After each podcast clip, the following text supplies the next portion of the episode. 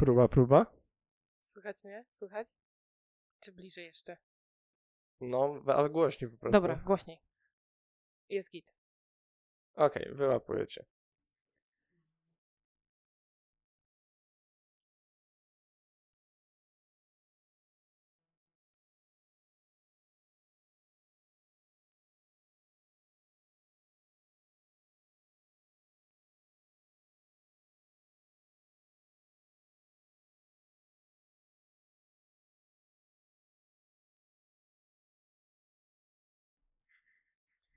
Okej, cześć Osia.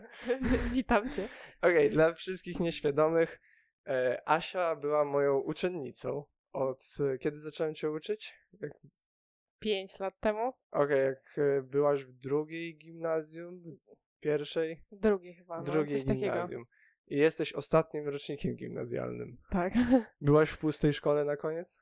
Yy, jeszcze raz? Czy byłaś w pustej szkole, jak byłaś już w trzeciej klasie? Yy, nie, zrobili nam taką głupotę, że mieliśmy jakby wszystkie te trzy, te młodsze klasy, na przykład trzecie czy czwarte, które przyszły, nasi nauczyciele nagle musieli yy, uczyć te młodsze klasy też i oni byli Mhm. też, no, no, no dramat to był dla nich, niektórzy tam się pozwalniali, no bo no jednak to jest przeskok wiekowy, Duży. ogromny. Mhm. I e, byliśmy z tymi dziećmi, co na przykład brały komunię na tym samym poziomie klas i no to był dramat, nie? Te dzieci nas tak denerwowały, że to szok. Wyobrażam sobie, no tak, bo ty miałaś wtedy już co, 16 lat? No, a te dzieci miały po 10 na przykład. Fuh, No to jest no. ogromny przeskok moim zdaniem. Tak, za, za duży wręcz. No, I ostatni rocznik gimnazjalny. 2003, dobrze pamiętam? tak. Tak, i wyobraźcie sobie, to jest też bardzo ciekawe dla mnie doświadczenie, bo w sumie przed tobą nie pracowałem w sumie z kimś młodszym, na pewno nie przez taką ilość czasu. I to było też fajnie widzieć, szczególnie jak już gdzieś tam 18 lat kończyłaś i miałem takie, o ja pierdolę, takie, wow, to się dzieje. I gdzieś tam się tam też przy tym dojrzałem. I ciekawe było dla mnie po prostu zobaczyć, jak e, jak ty doświadczasz teraz życia, jak ty masz te wszystkie właśnie gdzieś tam wzloty i upadki, jak gdzieś tam z mamą się pokłócisz, czy jak e, się właśnie macie gdzieś tam te super odzyski, wspólne opowieści. To jest, no powiedzmy, dla mnie rodzina jest bardzo e, ciekawym konceptem i e, patrzenie na was i no, na ciebie powiedzmy w tym wszystkim było tym bardziej ciekawe, jako że ja dopiero co praktycznie skończyłem. Jesteśmy taki jeden cykl za sobą, Mhm. powiedzmy. E, Ty raczej obracałaś się w towarzystwie, powiedzmy, w, swoi, w swoim rówieśnictwie, czy w, z osobami starszymi, młodszymi? Jak to u ciebie wygląda? Ja y, trochę ze starszymi zawsze spędzałem czas. Mhm. Może przez to, że miałam też starszego brata, no bo Adrian jest, No mój tak. brat jest w twoim wieku. I gdzieś tam y, czułam taki przeskok, bo niektóre dzieci, tak jak patrzę na przykład rocznik, tylko młodszy ode mnie, Mhm. To dla mnie to jest takie, że wow, że trochę za szybko idą i albo na te Mm. 15-latki teraz, to, to w ogóle, że jest- ja sobie wyobrażam gdzieś tam mnie, gdzie miałam 15 lat, to totalnie co innego, inaczej, inne podejście, czy tam na przykład do takich imprez czy coś, Mhm. to, to jest trochę straszne. Super ciekawe, rozwin to. Jak, jaka to jest różnica? No, na przykład taka, że te dziewczynki, które mają teraz. No, ja, jak miałam 15 lat, miałam tak, leginsy tam galaktyki, nie? Albo, no taki głupi przykład, ale. Ale... Okej, jasne, nie, się nie Yy, krępuj, jakby rozumiem. I e, dla mnie, no nie wiem, to chodzenie do szkoły, czy tam wyjście z znajomymi, było, to było wow. Mhm. A dla tych dziewczyn, no jakbym ci miała pokazać, nie wiem, gdzieś tam na Instagramie czy coś, że te dziewczyny wyglądają na starsze ode mnie. A to ja mam 19 lat, one mają 15. Mhm.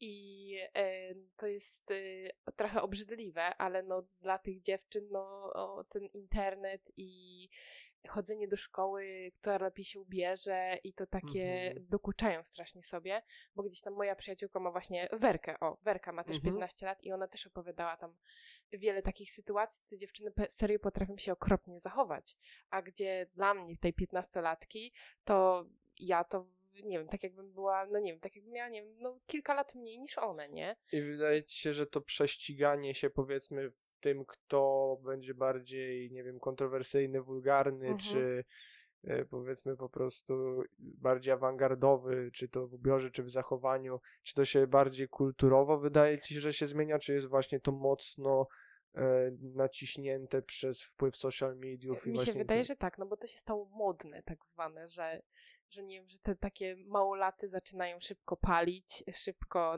papierosy czy inne rzeczy, czy pić. Mhm. I ja pamiętam swój pierwszy alkohol spożyłam tak, y, jak miałam 16 lat, ale to tak nikt o tym nie wiedział. To zrobiłam po kryjomu z koleżanką. Mhm. Wow, dobra, spróbowałyśmy i to nam starczy, nie? A te dziewczyny jakieś domówki, imprezy, albo y, ostatnio też na tej lawie, co otworzyli, to też, no Mhm. tam się spotyka, no, no, no y, 15-latki. Ja raz pamiętam, byłam z moją koleżanką, ona chyba chciała podejść do znajomego, coś mu oddać czy coś i weszłyśmy tam do tej beczki na dół. Ja patrzę tam z tyłu na palarni, siedzi sobie, siedzą dziewczyny, które mają y, 14 lat, bo to było w zeszłym roku wakacji, czyli teraz, ma, teraz mają 15. Mhm. I ja mówię właśnie, bo znałam tego jednego z tych barmanów, co tam był i mówię, że no sama renoma restauracji, coś się stanie, czy coś, no to pójdzie od razu, no zamkną Jasne. restaurację, czy coś. I od razu oni się tam zebrali, wyrzucili tych małolatów, nie? Bo tak jak się patrzy, to nie da się rozróżnić, kto ma 18, kto ma 15. I, Często. e, no, i ja się wtedy tak mówię, że siedzą tam, palą i tak dalej, gdzie dla mnie to było nie do pomyślenia, że w wieku tych 15-14 lat, no, no takie obrzydliwe moim zdaniem, nie? Mhm. I zaskakujące w sumie, ja to bym powiedział takie, gdzie są rodzice? Jeżeli, czy, czy to możliwe, że rodzice kompletnie o tym nie wiedzą, czy rodzice to po prostu ignorują? Bo, a jeżeli wiedzą, to takie, dlaczego ja bym pewnie był połamany, gdybym, No gdyby i- moi rodzice się o, o czymś takim dowiedzieli No właśnie, w tak młodym wieku. Ja też i, i sobie nie wyobrażam, co mama ze mną zrobiła. Ja jeszcze do 18 roku życia, tam ponad, dopiero teraz, jak e, po tej maturze, tak e, mama dopiero zgadza, zaczęła się zgadzać na jakiekolwiek takie większe wyjścia, czy coś, czy wyjazdy ze znajomymi, ale Mhm. wcześniej, no w zeszłym roku, nawet jak miałam te 18 lat, punkt pierwszy, ja musiałam być w domu i nie było opcji, że nie byłam. I, a była sytuacja właśnie z taką dziewczyną, ona miała wtedy właśnie gdzieś 14-15 lat, poszła do klubu i e, chyba ktoś jej coś dosypał, albo po prostu się tak napiła Mhm. i spotkała ją moja koleżanka. I, a że chodziły razem do gimnazjum, widzi, że dziewczyna leży pod tym klubem, no, no trzeba ją zabrać do domu czy coś, nie? I e, po drodze, jak ją zebrali tam z kolegą, wzięli ją pod barki i spotkali straż miejską, nie? Mhm. No, sprawa się tak potoczyła, że ona leżała e, na, przy tej straży miejskiej, żygała im na buty, nie? No, w ogóle nie, sytuacja nie do pomyślenia, nie? Ale takie rzeczy się dzieją. Mhm. I e, sytuacja się skończyła w sądzie. Ta matka jej oskarżyła znajomych, że, że to jest ich wina. Ale to ona wypuściła córkę i to ona się nie przejmowała, gdzie ona jest o tej pierwszej, drugiej czy trzeciej.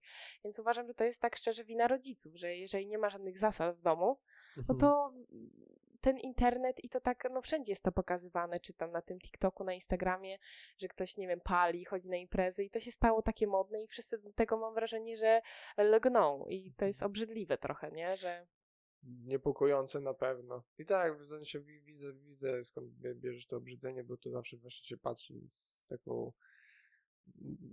Kiedy ktoś ma jakiś wyższy poziom moralności, to zawsze e, widok, powiedzmy, uniżania tej moralności jest taki ugh, no, ba- bardzo nie- niefajny. Ale co do klubów, powiedziałaś mi się, przypomniała sytuacja z e, pierwszego roku. Ja miałem wtedy, co, 19 lat, czy 20, coś takiego, nie wiem, czy to jesienią, czy wiosną było.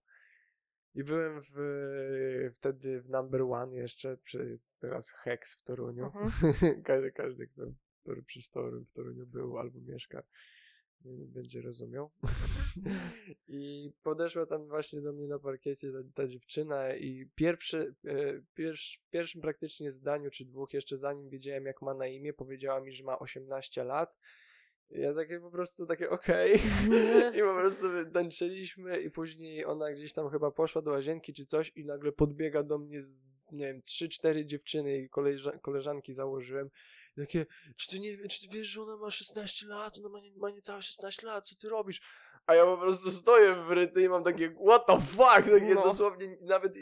sumie właśnie tak jak powiedziałaś, po pierwsze bym w życiu nie założył, że, że nie jest pełnoletnia, bo miała... bo jest w klubie. jest po, właśnie, właśnie, kurwa, po pierwsze jest w miejscu, w którym niby nie powinna się znaleźć, nie, powi, nie powinno się jej wpuścić, No. po drugie jest, no, kompletnie ko- 100%, 100% makijażu, jakby ciuchy też ma jakieś, też powiedzmy, od, od, odwalona dziewczyna fest.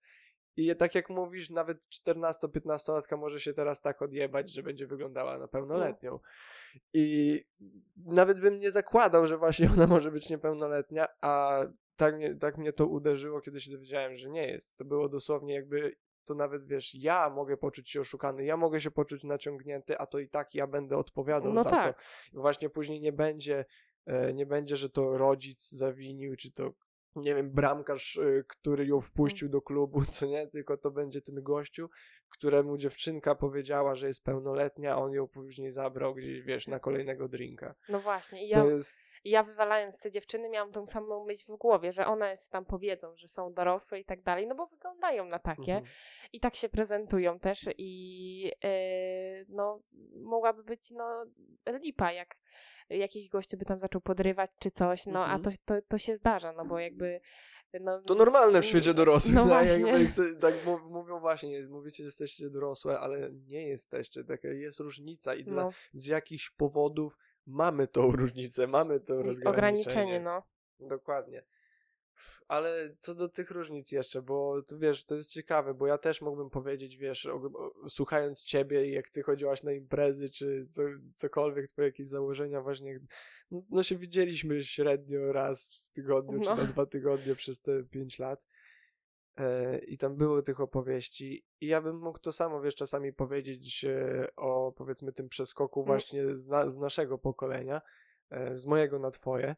E, Więc chcę to pogrzebać trochę bardziej. Jak ty imprezowałaś, albo co ty jeszcze więcej widzisz, powiedzmy, w tych teraz osobach e, młodszych, powiedzmy wchodzących jeszcze prze, przed, e, przed liceum, koło liceum. No to ja jak zaczęłam imprezować, to mnie się zaczęło od jakichś tam domówek tych nielegalnych. Rodzic Mhm. wyjeżdża, mamy czas do 23, bo wrócą czy coś i od tego się w sumie zaczęło. I takie moje pierwsze wyjście do klubu, które nie udało się, miało być, e, to miało być chyba w pierwszej klasie liceum, tak, Mhm. jeszcze przed COVID-em, świeżo. E, miało być do tego Moon Clubu, tego, co jest tam, no nieważne. Mhm. I to miało być połowinki jedynki. A że nastaliśmy się w kolejce i to tak długo nikogo tam nie chcieli wpuścić, więc stwierdziliśmy, że idziemy, że idziemy do mnie, bo ja akurat miałam wolną chatę. I, I w sumie u mnie się bawiliśmy. I to tak się zaczynało, tak stopniowo.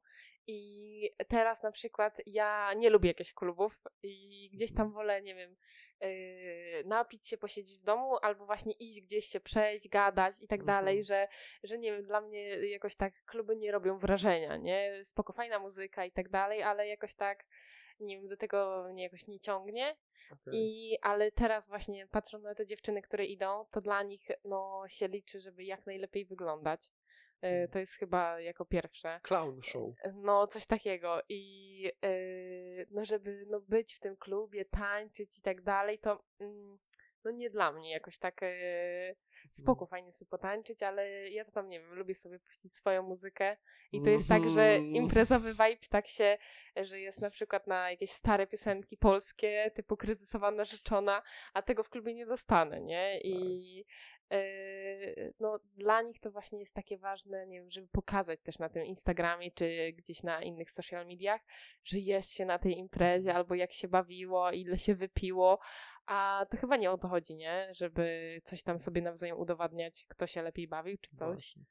E, ale to też, bo tak ktoś mógłby ci teraz zarzucić, że mówisz bardzo ogólnikowo, czy uważasz, że to jest taka przygniatająca ilość teraz młodzieży, która po prostu w ten sposób próbuje jakoś właśnie spędzać czas, pozbawiając się powiedzmy te, tego wszystkiego pomiędzy, właśnie tych wszystkich kombinowania, tego mm, powiedzmy ukrywania się, czy po prostu uczenia się stopniowo wchodzenia w coraz to większe grupy społeczeństwa, w coraz to bardziej niekontrolowane warunki, bo to zawsze, ja też mam mnóstwo tych historii, przykładów, gdzie po prostu przypał, był przypał, tak, trzeba było szybko ogarniać, albo spierdalać cokolwiek, albo coś właśnie, nie wiem, iść gdzieś og- ognisko, ogarnąć rzeczy na ognisko i ta, i ta orga- organizacja siebie nawzajem i No To, to, samego siebie poprzez później rozwój do organizacji wydarzenia, później poprzez organizację właśnie całego wieczoru, może planów i też takiej nauki, powiedzmy też jak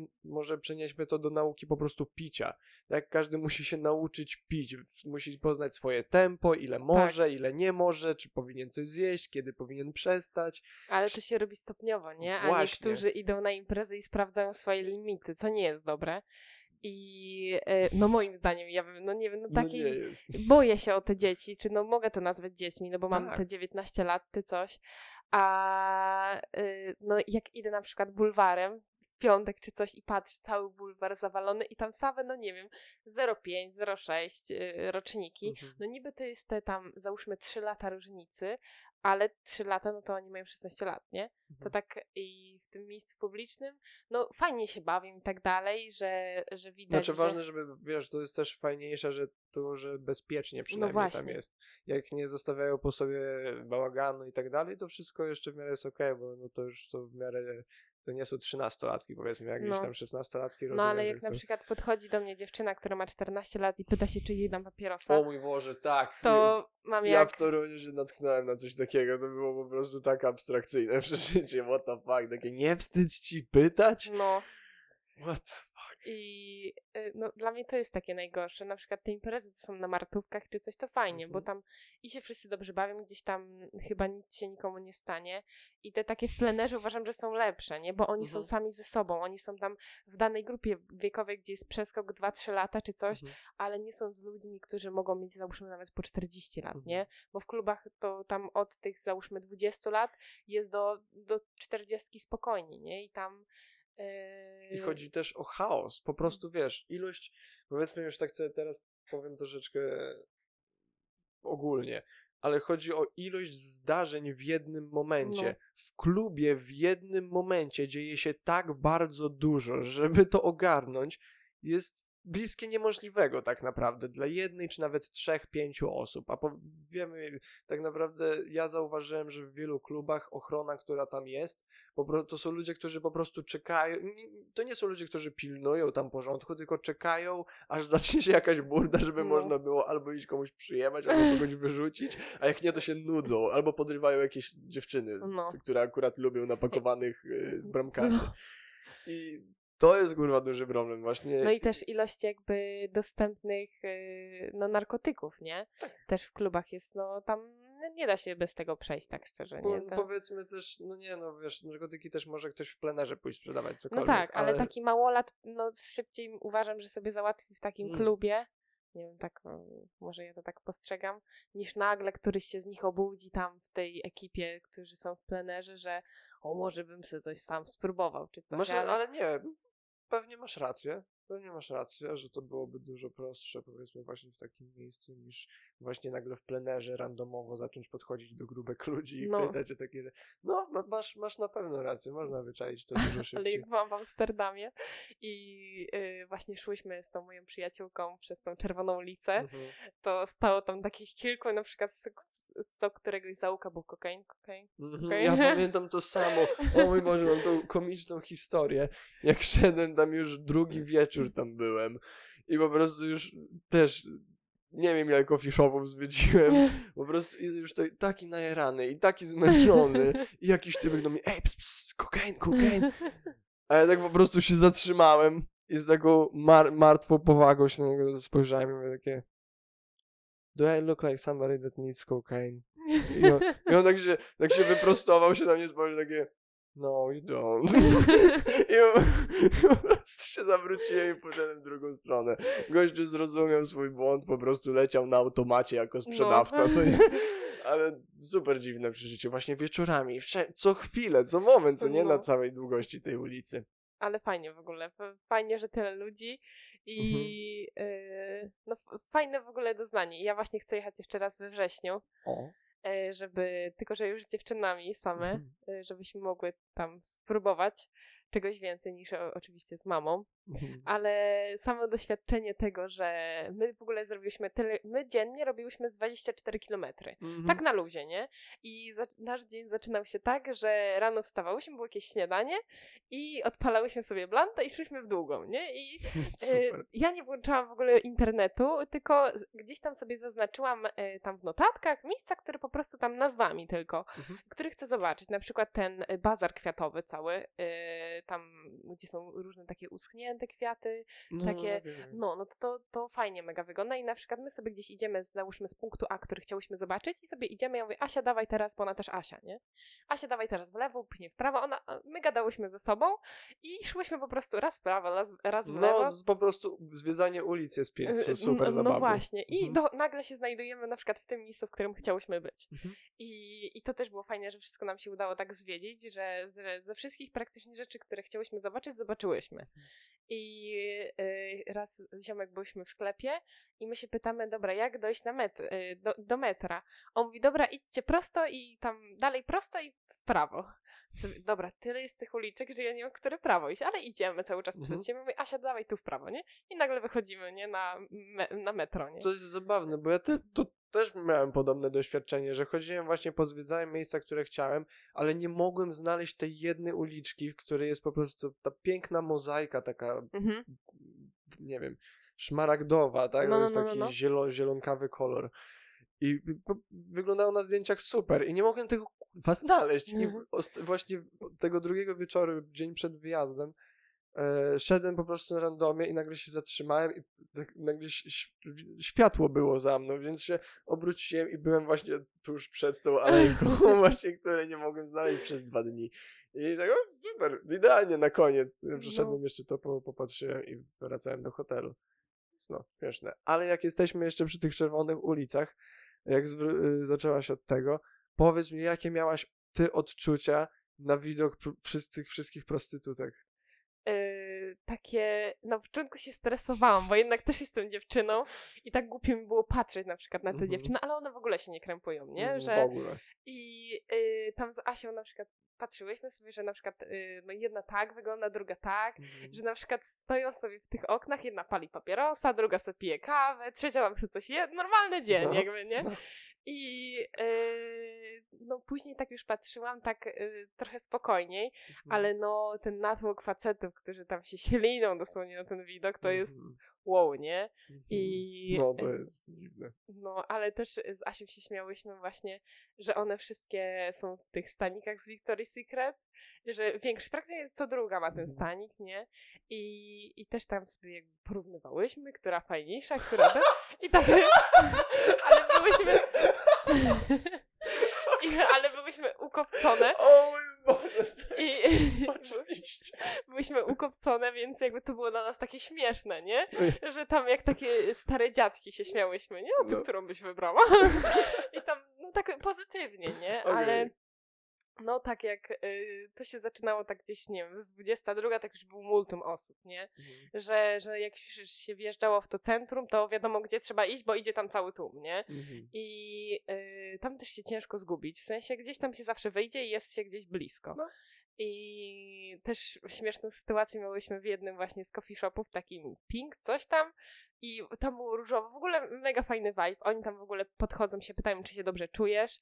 I y, siedzimy sobie i obok nas y, siedzą y, Turcy, takich dwóch. Mhm. I oni gadali sobą po angielsku i tam się umówili, że wzięli jakiegoś takiego mocarza, nie? Takiego, wiesz, coś, co ich tam walnie i stwierdzili, że palą jointa na jednego, nie? Mhm.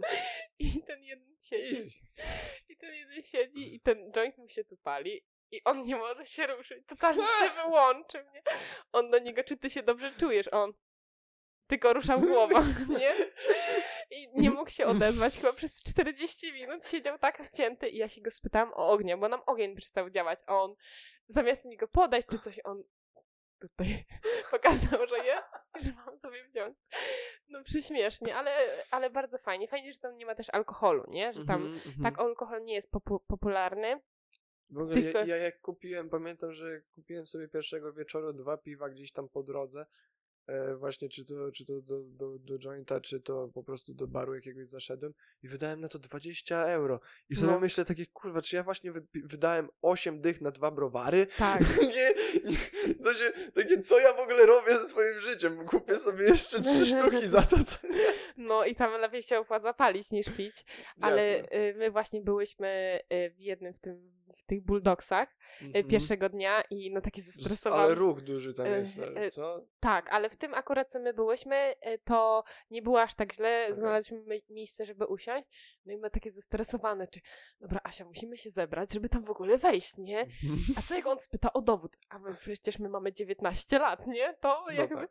I byłyśmy zestresowane, dobra, weszłyśmy, tam sprawdził ten dowód.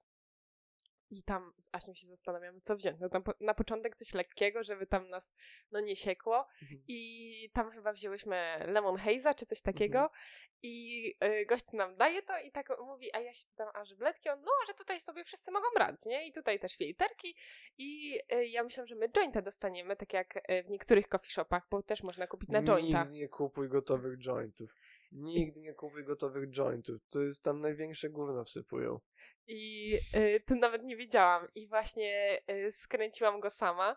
I, ale kręciłam go tak, nie? Byłam tak zestresowana.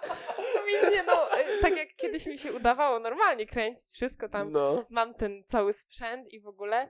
I, ale tego, no nie wiem, tak się zestresowałam. I ja się spytałam go o piwo. On mówi tak na mnie, piwo? Mamy tylko zero. Ja mówię, dobra, to niech będzie zero. I oni tam nie są za alkoholem, żeby jakikolwiek No. alkohol pić w tych e, coffee shopach, ale to akurat spoko, nie? Tak, bo I- ludzi, szczególnie turystów, bo wiesz, jak ktoś przyjeżdża bez tolerancji, to nawet najsłabszego bucha weźmie, wypije pół piwa i go, wiesz, No. ścina po prostu, więc to nie byłby dobry pomysł. To znaczy, bardzo dobrym pomysłem jest to, żeby właśnie w tych miejscach nie sprzedawać alkoholu. No. I też się pytają, czy wszystko jest okej. Mhm. To, to takie mega fajne i w ogóle ludzie tam tacy tak, z tak. luźnym takim podejściem czy coś. Bardzo i... akceptujący, tacy właśnie mili, No. otwarci, bardzo otwarci. No, i ja tam, ja byłam w takim płaszczu, bo tam jednego dnia padało w takiej, z takiej Barbie i tylko takie normalne jeansy i gościu do mnie, no tam nie ma takiego czegoś, że ktoś się wstydzi powiedzieć czy coś, I, ale zajebiście wyglądasz, nie? No musiałam ci to powiedzieć, bo bym nie mógł No, chyba zasnąć, no. nie? I tam właśnie ludzie się uśmiechają i yy, nie wiem, na przykład moja mama ma takie myśli a propos marihuany, że Jezu, że nie, że, że nie, ale no pojechała z nami i Spójrz. no właśnie. I pojechała z nami, ale no, jakby my same chodziłyśmy cały czas. I tam wróciłyśmy raz tam trochę y, z, upalone, to mama tam, nawet no, ja mówię, mama, że to nie jest nic takiego, że nie wiem, że ja będę latać po ścianach. Ona mówi, ja pamiętam, jak ja raz w Holandii zapaliłam, to ja z kiblem gadałam. Ja mówię, to ja nie wiem, co ty paliłaś, nie? Właśnie ja zawsze, jak ludzie mi mówią o negatywnych doświadczeniach z paleniem, zawsze pierwsze co się pytam, czy wtedy też pili. No, I bym powiedział, że 80 do 90% odpowiedzi brzmi tak. no. I to jest duży błąd, y, bo no, nie masz tolerancji, nie wiesz co robisz i to nie jest jak alkohol. To, to nie jest to Ale samo. też nastawienie się liczy. Jeżeli w głowie jest, że o Jezu, będę miał jakieś zwidy, to tak będzie. Tak, pozostałe I- 10% przypadków tych właśnie negatywnych e, doświadczeń to są ludzie, którzy właśnie palili w towarzystwie jakichś dupków albo znajomych, którzy ich wkręcali No. I mają jakieś później krzywe fazy, czy właśnie jakieś nie, bo ja myślałem to i czy tamto. No bo kurwa siedziałaś z dupkami i ci wkręcali No. fazę, co nie? To też nie jest super. Ale uważam, że, że tam jak paliłam, to to, czy to było takie coś, czy takie coś. Jedno było mocniejsze, drugie było słabsze, ale to, to było przyjemne, nie? Mhm. I tam się dało właśnie wychillować i yy, no my nawet po zapaleniu tego jointa mogłyśmy przejść kolejne 15 kilometrów, nie? I to było takie fajne, że A ty mówiłaś wcześniej, że jakiegoś tam hejza kupiłaś. Roz, czy ty rozróżniasz hejzy, kusze, satywy, indyki? nie. Okej, no to widzisz, na następny raz to jest bardzo ważne, żebyś sobie to zapamiętała, bo to jakby właśnie to jest potęga tego, że palenie, palenie jest legalne. No, w Holandii to jest takie legalne, ale powiedzmy, gdyby to rzeczywiście w Niemczech przecież mają niedługo to już w pełni zalegalizować. O mój Boże, ile będzie mas exodus po prostu ludzi. Wszyscy, mój kumpel powiedział, że wszyscy się przeprowadzą do Szczecina. ale to dobre. E, no, w każdym razie masz ten wybór, kiedy kupujesz nielegalnie zioło od dealera czy cokolwiek, nie wiesz co dostajesz. No nie masz nie. pojęcia, czy nawet to jest czyste palenie, czy to jest sativa, czy indyka, czy hybryda. E, Kiedy kupujesz określone odmiany, możesz nie zazwyczaj w sklepach jest określone, czy to jest sativa, indyka, czy to jest e, jakiś mieszanka. E, A nawet jeżeli nie jest, to możesz szybko wygooglować i możesz sobie sprawdzić, czy to jest sativa 80 do Oni tam 20 mają te tak aplikacje nawet, nie? Do sprawdzania. Dokładnie, nawet No. to. I sa- ogólnie sativy to są te odmiany, które bardziej dają taki euforyczny high, kreatywny, bardzo luźny i No. ogólnie wręcz ja bym powiedział, że te odmiany dodają energii. To dla mnie, ja pamiętam jak byłem w Holandii, paliłem sativy, to dla mnie to było jak, nie wiem, kubek kawy czy coś takiego, spalić sobie jo- jointa z sativy. Naprawdę poczułem się pobudzony, bardzo taki właśnie e, powiedzmy pobudzone myślenie miałem i kompletnie nie czułem się zaspały ani nic takiego. Z drugiej strony masz te indyki, które wpływają bardzo mocno właśnie na rozluźnienie mięśni, na twój układ trawienny, tak, gdzieś tam to gastro wchodzi i raczej są, to jest ten taki kanapowy, powiedzmy, No. kanapowa odmiana. I to bardzo, wiesz, super bardzo do, pomaga, ale super, mądra wypowiedź, Piotr, kurwa, super, bardzo. E, ale bardzo pomaga ludziom, na, sportowcom, ludziom z jakimiś bólami, z problemami nasennymi, czy właśnie z jakimiś gastronomicznymi problemami, to to, to, to jest raczej.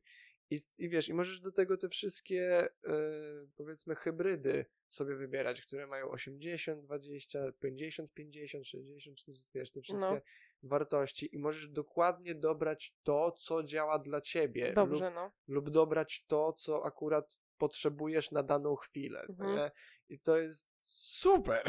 Ale w Niemczech tam też będzie taka legalizacja, jak jest. Pełna legalizacja. Będzie Aha. to tak, e, będzie rekreacyjna dostępna, będzie medyczna dostępna, będzie to myślę jakoś tak określone jak w Kanadzie, pewnie coś w tym stylu. Ja y, sobie kiedyś powiedziałam, że jakby w Polsce kiedyś zalegalizowali, to że otworzę swój własny coffee shop, ale tylko z ciastkami. W sensie, że. O, taką cukiernię z No i chcę ją, bym ją nazwała Sweet Weed.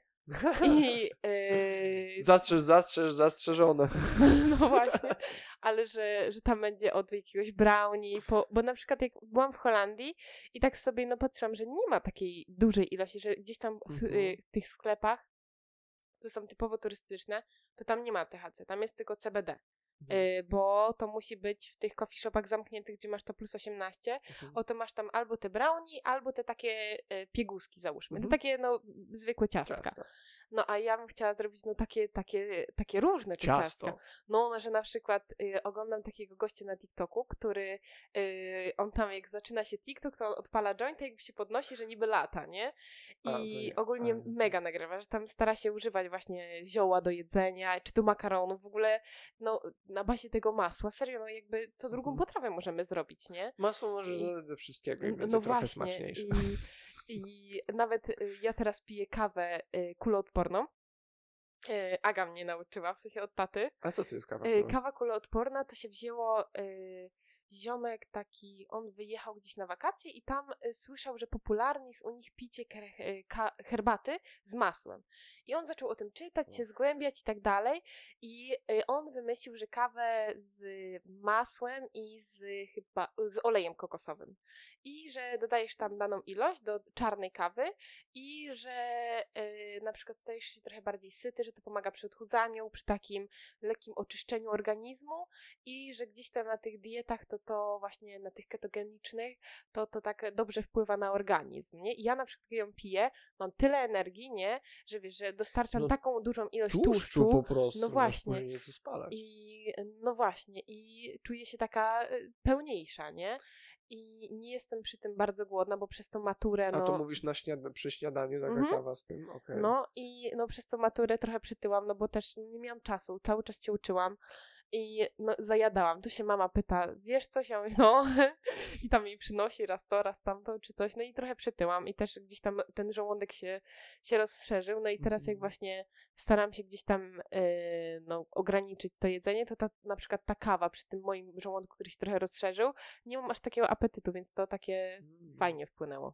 No okej, to ciekawe, No. wiem, ja to zawsze się właśnie dziwiłem, po chuj ktoś miałby dodawać masło do kawy, a dałeś mi powód, okej, i tak nie zacznę, bo nie, ale to jest ciekawe rzeczywiście, że to może tak działać, bo że, no, na pewno z masełka trochę tych kalorii dostarczasz. Ja obserwowałem też jakiś czas gościa, takiego trenera personalnego na Instagramie, trener Mariusz, jeśli dobrze pamiętam, nieważne, ale gościu właśnie dużo takich tipów odnośnie fit stylu życia i odchudzania, takich różnych rzeczy. Nie, żebym potrzebował odchudzania, ale po Mhm. prostu gościu ciekawy jest.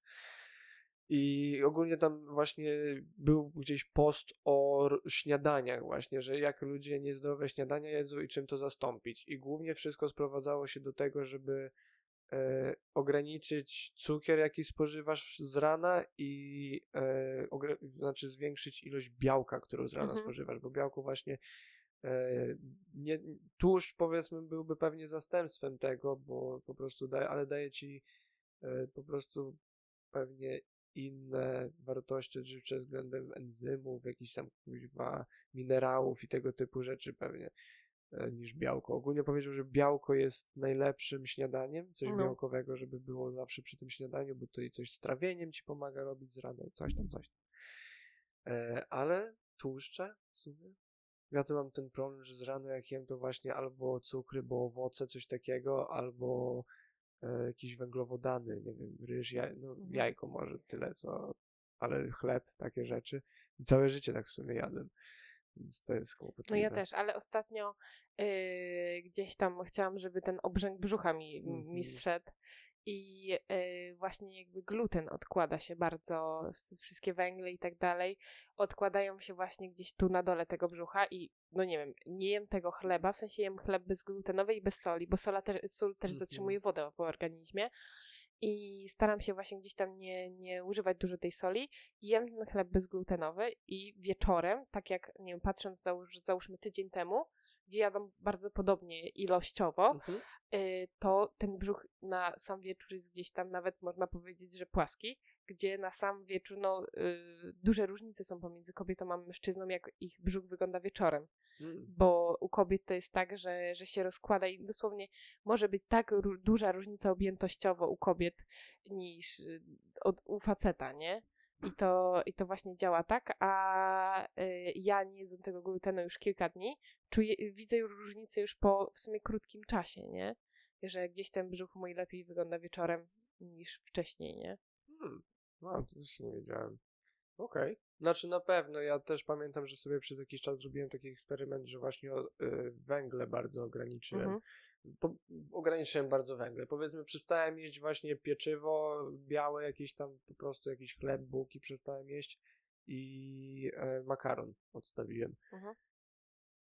I trochę mniej ryżu powiedzmy jadłem. I, ty, I tyle tak naprawdę. I też powiedzmy pod względem bycia napompowanym glutenem takim właśnie, jak mówisz, to znaczna różnica, No, a- znaczna różnica. a to I nie wys- takim po, stabilnym poziomie energii też No. powiedzmy. Mój kumpel kiedyś mi mówił, bo teraz też e, słucham podcastów, na którym ludzie mówią, którzy są na e, carnivore diet, to jest taki, że jesz tylko mięso Mhm, powiedzmy mhm. i niektórzy też owoce do tego dokładają. E, Że mają właśnie, co jedno z efektów, jakie odnotowują, to taki bardzo stabilny poziom energii. I kto, e, kto też ma coś takiego, to ludzie, którzy są weganami, ale bar, bardzo regularnie w ciągu dnia jedzą. Mhm. Mój kumpel przeszedł świętej pamięci już Kamil, e, przeszedł kiedyś na weganizm, czy tam e, frutarianizm, jakoś Mhm. tak on to nazywał, że jadł tylko praktycznie w większości jadł surowe, czy tam sfermentowane e, owoce i warzywa. E, I powiedział, że on tam ma wyjebane w sumie w zwierzątka i on tego nie robi dla ekologii czy dla zdrowia nawet. On to robi, żeby mieć nieskończoną energię. Mhm. Bo on mówi, że on je prawie cały dzień, ale on nigdy nie jest zmęczony, nigdy nie jest wzdęty i ma cały czas jakby taką, ma bardzo dużo siły i No. energii do działania. Nie? Takie wow, to jest całkiem ciekawe. Teraz rozumiem, dlaczego ludzie są na dietach. ja, moją dietą zawsze było takie jedz co chcesz, kiedy chcesz i ile chcesz. Dieta cud tak zwana. Tak, dokładnie, dieta cud. Ale działała dla mnie, jakby nie mam problemu. Ja, no może z, no może mam trochę problem z tyciem.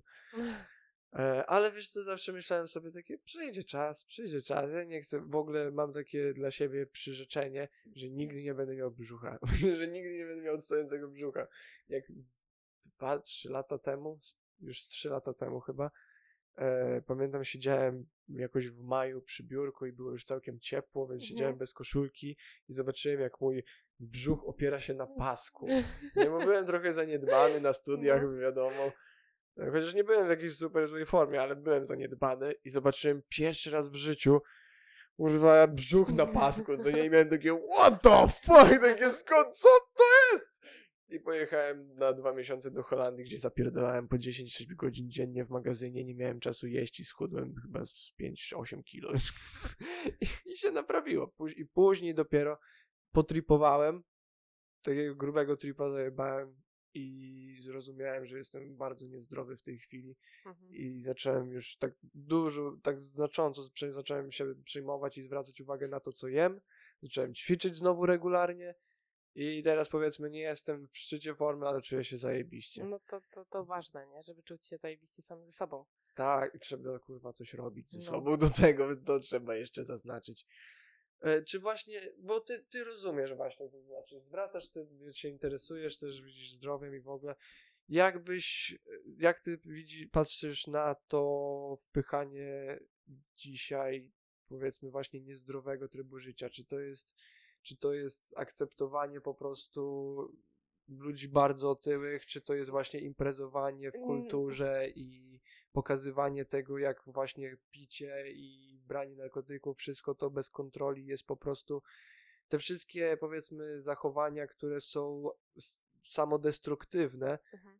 postrzegane jako coś bardzo cenionego lub fajnego. Nie, właśnie z tą otyłością, Mhm. to uważam, że gdzieś tam, wiadomo, można mieć problem tam, że szybciej się komuś tyje i tak dalej, Mhm. ale da się wyczuć moment, gdzie to, co jest nam potrzebne, to zbijemy tą wagę, albo będziemy lepiej się czuć, albo wyglądać, no bo takie bycie otyłym, no nie jest zdrowe. Dokładnie. Więc takie robienie tego pod y, internet, na przykład jak jakieś tam, no te specjalne są teraz plus size i tak dalej, że to Mhm. jest, że nie przejmuj się jak wyglądasz, ale uważam, że ta osoba ma wpływ na to, jak wygląda i mogłaby coś zmienić, żeby Dokładnie. lepiej wyglądać, a nie, że no u dzieci to jest tak, że chyba do czwartego roku życia kreują się te komórki, które na, na, dla osoby dorosłej będzie miał łatwość albo trudność z tyciem. I tak jak na przykład są dzieci otyłe i nawet gdzieś tam schudną, to później jak już przytyją, to będzie dużo ciężej im zbić tą wagę. Więc jeżeli Mhm. rodzic tak pozwala na wszystko jedzenie dzieciom, to to no, no, dziecko nie będzie zdrowe. Nie wiem, będzie miało szybciej trądzik albo inne jakieś tam choroby czy coś i uważam, że tak jak y, nasi rodzice, twoi pewnie też, czy, czy, czy my, gdzieś tam takie rzeczy, takie słodycze, inne rzeczy to były raz na jakiś czas. Tak. A nie ja by- pamiętam, mówiłem ostatnio koleżance, paczka chipsów, ta malutka paczka chipsów, najmniejsza, raz w tygodniu na w piątek do filmu miałem. No właśnie. Jak byłem trochę starszy, to już tą większą, ale no jako dziecko dosłownie tyle. N- n- No właśnie, i u mnie też tak było, nawet jak gdzieś tam było dostępne, bo tata pił kole, to gdzieś tam do obiadu, no, no woda albo sok, tak? Albo Mhm. i y, gdzieś tam Adrian lubił słodycze, ja pamiętam jako dziecko nienawidziłam słodyczy, Mm. no jakoś tak ani do tych chipsów, no do ósmego roku życia nie lubiłam bardzo, miałam w pudłach, takie ogromne pudła miałam, które miałam na szafie i Adrian mi kradł i ja miałam policzone, że ukradłeś mi lizaka czupa czupsa, tego niebieskiego, nie? O, on, on tak, nie? Skąd ja to wiem, nie? Ale chociaż nie jadłam, ale wszystko wiedziałam.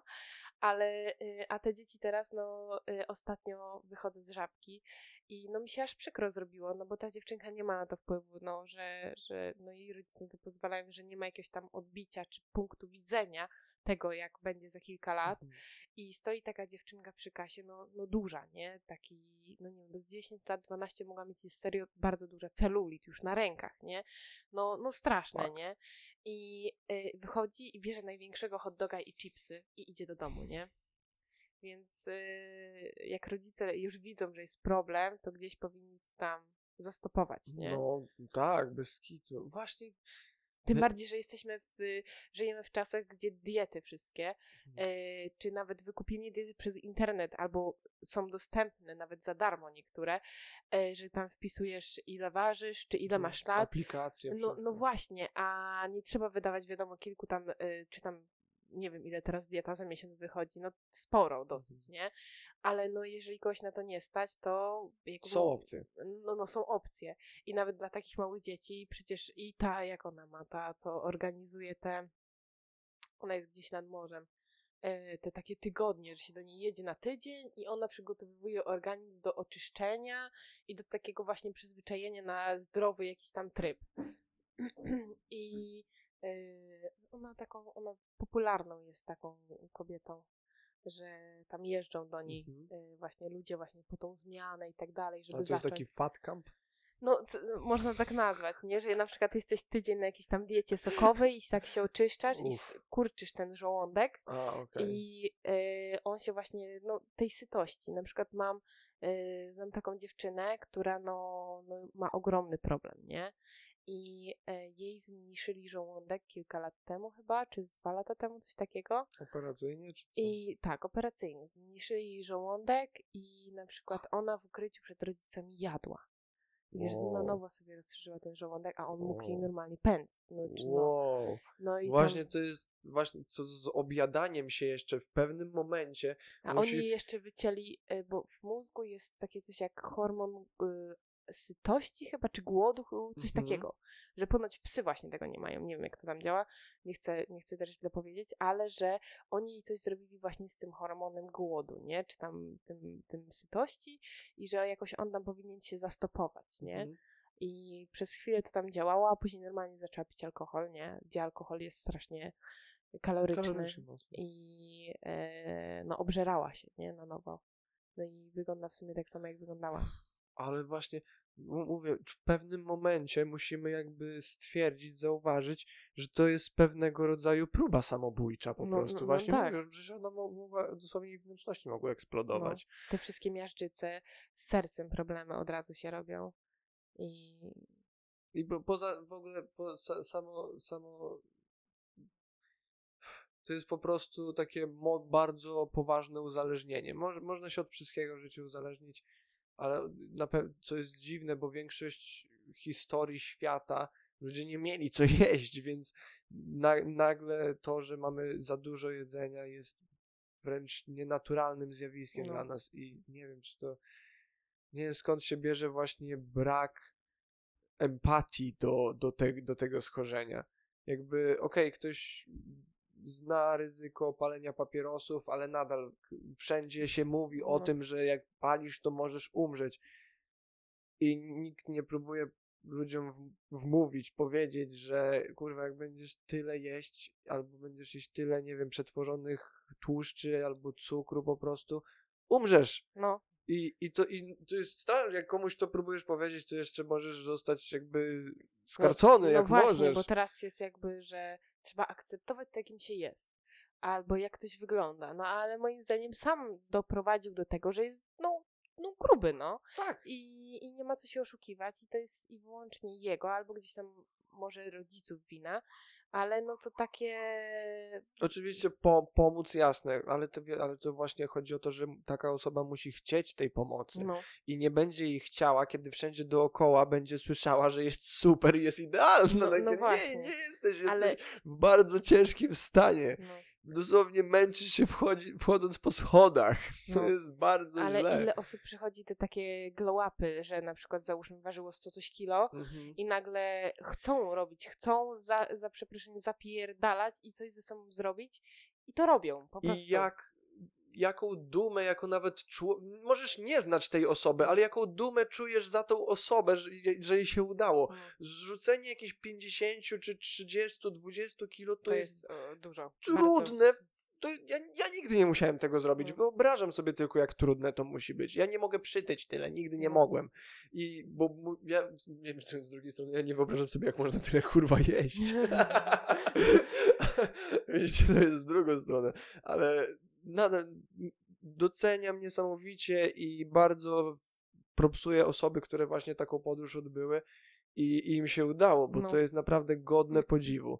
I powinno się to bardziej naświetlać niż właśnie w drugą. Adele? Jakaś super słynna piosenkarka. No ona e, s- przecież jest teraz, no, szczupła strasznie. Schudła bardzo. I, I ludzie się na nią zezłościli, No, że dosłownie, że zadbała o siebie, że nagle jest zdrowsza. I dosłownie było jakieś, wiesz, masa artykułów feministycznych, jakichś tam, wiesz, filmów na YouTubie powrzucanych przez blogerów i tak dalej, że, że ona się odsuwa od swoich fanów, od swojego prawdziwego ja i tak dalej. I my takie, what the fuck? O czym No. wy mówicie w to ogóle? jest już chore, nie? To Że- je- to jest chore. No. 100%. I, albo, że na przykład mówili, że jej się głos zmienił czy coś. Mhm. I no może gdzieś tam nawet jak, jeśli jej się zmienił, Nawet ale to jeśli. nie chodzi o to. Będziesz że, żyła 20 lat dłużej. No właśnie. I od razu dużo lepiej wygląda i dla mnie progres taki to, to, to serio wow, nie? Tak. I go, godzin podziwu i kurde wsparcia. E, dobra, zostawia, zostawiając trochę ludzi grubych, e, zerknę, okej, jest Lizzie. E, wróćmy trochę jeszcze do Amsterdamu, no bo pojechałaś, ty już tam i tak jarałaś, miałaś jakieś doświadczenie. No próbowałam. Mruk. No. e, teraz wie, wiem też, że jesteś zainteresowana e, doświadczeniem psychodelicznym. no.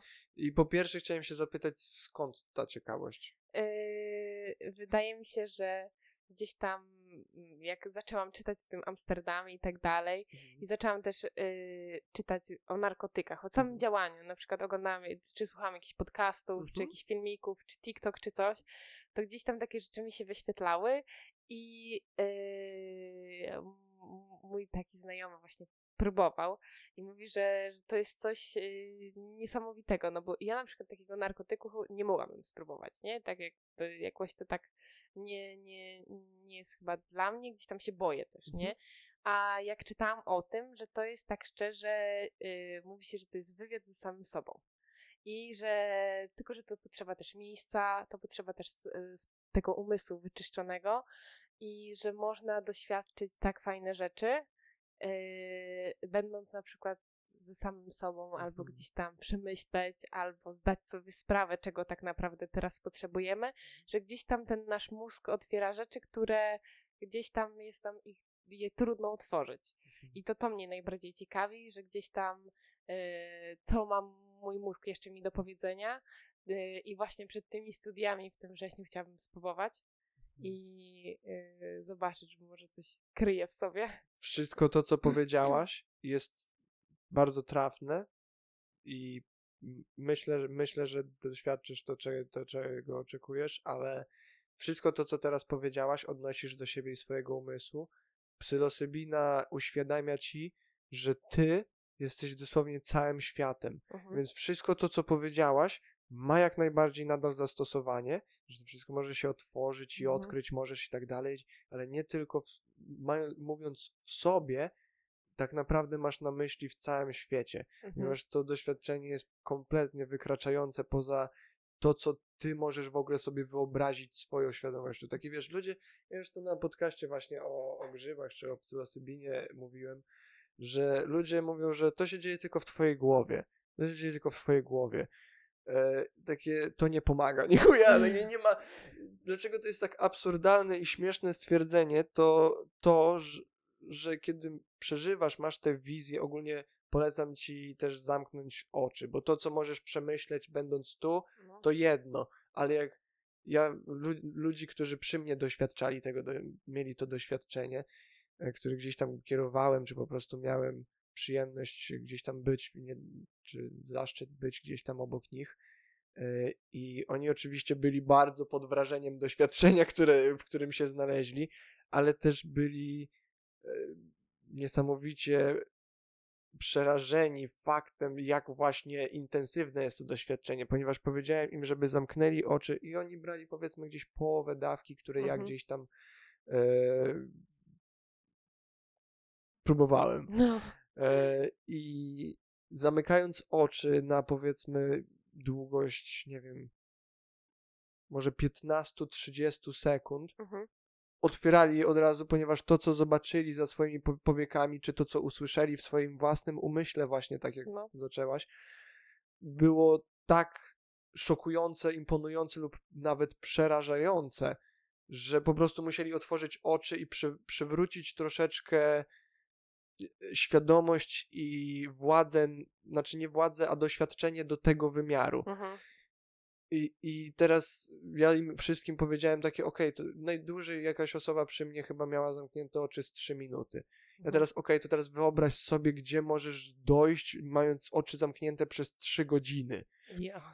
I, I oni mieli po prostu wtedy takie oczy rozszerzone z tymi źrenicami i mieli takie, o mój Boże, takie, czy, czy, sam, sam pomysł tego. Ja, ja, na, ja na trzeźwo ludzie mówię, że po, po doświadczeniu takiego naprawdę intensywnego, psychodelicznego doświadczenia e, masz palpitację serca na samą myśl o doświadczenia tego znowu. Mhm. Co, co nie znaczy, że jest to negatywne, bo za każdym razem, kiedy to przynajmniej ja robiłem, to oczywiście było to dla mnie wpływowe, pozytywne i, i nie żałuję.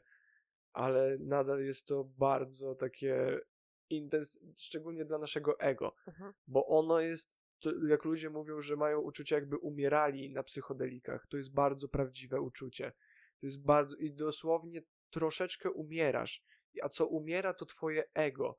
Wszystko to, z czym ty się identyfikujesz na co dzień, Mhm. wszystko to, co ty myślisz, że jesteś, to co wszystko, co identyfikujesz z byciem Asią, przestaje mieć znaczenie. Wszystko Mhm. to, co ci wmawiano całe życie, wszystko to jest wycierane jak gąbką. Jesteś znowu jak dziecko, z tak bardzo otwartym umysłem, ponieważ wszystkie te informacje i bodźce wpływają z taką po prostu prędkością, intensywnością, że nie jesteś w stanie tego ogarnąć, więc dosłownie czujesz się jak dziecko Mhm. w tym wszystkim, bo wszystko jest tak takie wow. I ja te, od tamtej pory też patrzę na małe dzieci, jak po prostu na takich tripujących ludzi. Dosłownie. I to nawet się przekłada do pewnych, ma, mała anegdota. Szedłem kiedyś z moją koleżanką, która urodziła 3 czy 4 miesiące wcześniej dziecko i szliśmy w wózku, zaczął padać deszcz. Ona go przysłoniła jakąś taką folią i otworzyła e, Boże, parasol, Mhm. który był czerwony, a było całkiem jasno, tylko po prostu deszcz zaczął padać. I ten dzieciak po prostu tak rozdziawił oczy i, i buzię, bo po prostu był tak zszokowany, co się stało. I moja koleżanka takie, "A, coś tam, coś tam, coś tam". I ona też już miała doświadczenie z Mhm. psychodelikami. E, więc ja za nie takie, takie, czy ty nie czy ty nie rozumiesz, co się właśnie dla niego stało? Ty jesteś jego Bogiem, dosłownie jesteś Mhm. jego matką, jesteś jego jedzeniem, schronieniem, miłością, zabawą, jesteś dla niego wszystkim i jego bu- właśnie za jego Bogiem eksplodowała wielka eksplozja czerwonego światła z nieznanego mu źródła. I jeszcze zaczynasz się do niego uśmiechać. Do niego to musi być tak odjechanie Mocne. mocne, intensywne i przepełnione po prostu radością, szczęściem i szokiem doświadczenie. Jak właśnie dla osoby, która bardzo mocno tripuje i właśnie przed nią by jakaś wizja Mhm. tak wysk- wyskoczyła, której nie rozumie do końca, po prostu nie jest w stanie ogarnąć swoją świadomością tego, co właśnie się mu ukazało przed oczami. Ale czuje jednak te wszystkie bodźce, które jego narzędzia biologiczne mu, No. mu Nawet u pozwalają. takiego dziecka dotyk, nie? Jak Tak. coś złapie, to jest tak podekscytowane, jak widzę teraz, jak mojemu bratu y, się urodziła ta córka, to y, takie Mhm. małe rzeczy i sprawiają taką przyjemność, nie? Że, że jak coś złapie, to jest wow, ja to złapałam, nie? Albo no, no że takie zaczyna czuć, no coś pięknego, nie?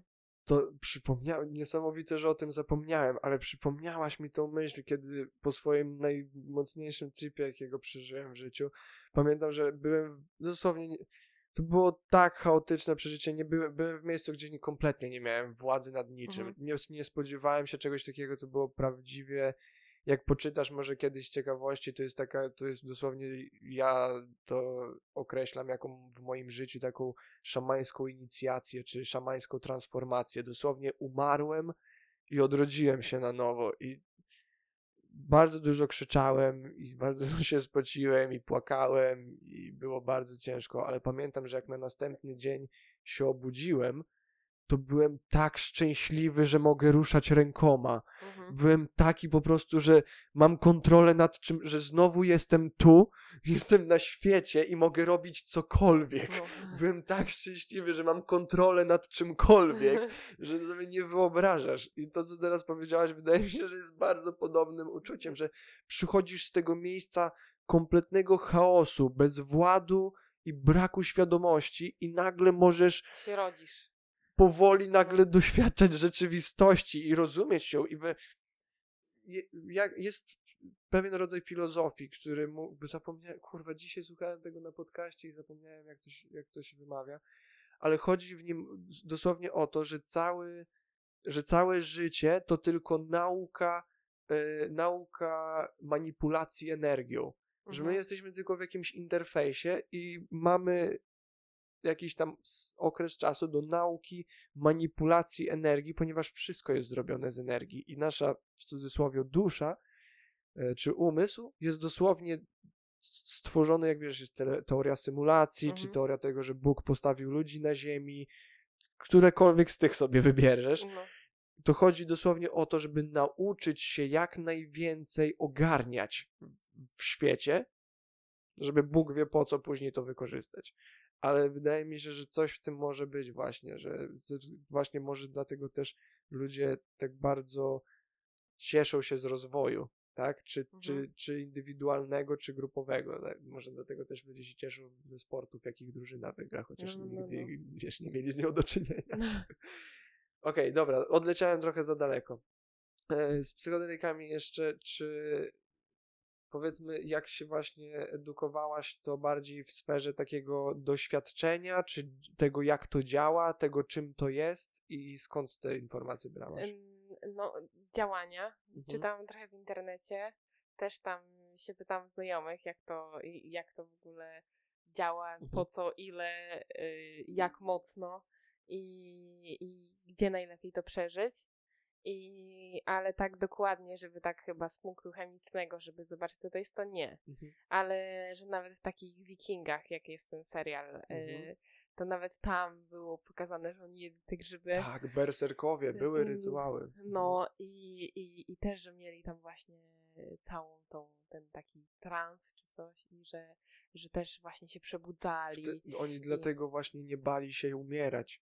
No, Dzięki psylocybinie właśnie, której, której jednej z właśnie funkcji działań potwierdzonych naukowo jest ulżenie lub zniwelowanie e, strachu przed śmiercią. mhm. I, i co, do, co do wikingów rzeczywiście brali duż, całkiem duże ilości No. grzybów i pili duże ilości alkoholu do tego, dlatego właśnie ten szał berserkerski nie wiem czy to dobrze mówię, chyba tak e, jest właśnie spowodowany tymi substancjami. Ogólnie co do zażywania nie tylko psychodelików, ale ogólnie narkotyków w historii, ja jestem strasznie poirytowany na naszą edukacją, bo nic nam o tym nie mówią.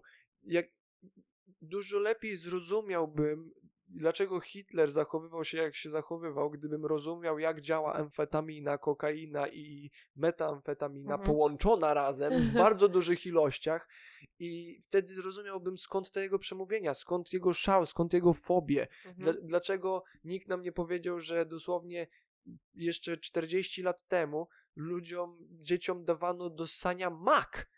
A który ma- jest też. To opium! no właśnie. To jest opium dosłownie. Dzie, dzie, dziecko sobie słodko spało, co nie? O jakie grzeczne dziecko possa główkę maku chwilę. Więc jak ja sobie myślę, że kiedyś to było normalne. Kobiety w ciąży pijące alkohol, piją, palące papierosy Mm. jeszcze w latach 60., 50., to było całkiem normalne. No. Więc jeżeli wyobraź sobie, o ile gorzej to wyglądało jeszcze w latach 20. I jeszcze wcześniej czy- gdzieś tam kokaina, wszystko to. to, to Dokładnie. no. I to wszystko, wie, dopiero teraz uświadamiamy sobie, jak okropny wpływ ma to na, na rozwój ludzki, na umysł człowieka. Wyobraź sobie, że ktoś rodzi się, rodzi się już uzależniony od opium. W pierwszy, albo w pierwszych trzech latach życia, w najważniejszych fazie jego rozwoju jest od niego uzależniony.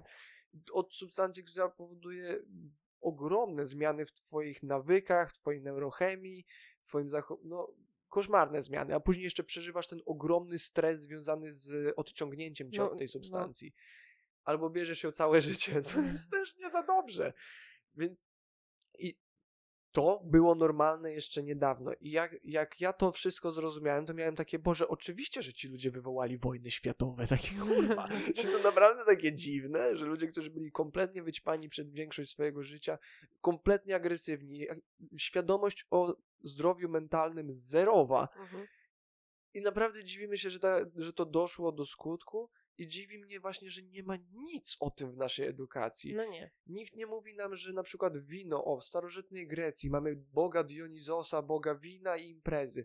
Nikt nam nie powiedział, że w ich winie praktycznie w ogóle nie było alkoholu. I my, my oglądaliśmy naszych rodziców, którzy pili wino na imprezach, się upijali i to było dla nas to samo, co jakieś piwo, wódka czy cokolwiek innego. A się okazuje, że oni nie mieli tam praktycznie w ogóle alkoholu, a było to naszpikowane różnego rodzaju ziołami, przyprawami, między innymi grzybami. Nie wiem, czy wiesz, chyba ci o tym wspominałem kiedyś, jeżeli nie. Gościu nazywa się Brian Moralescu.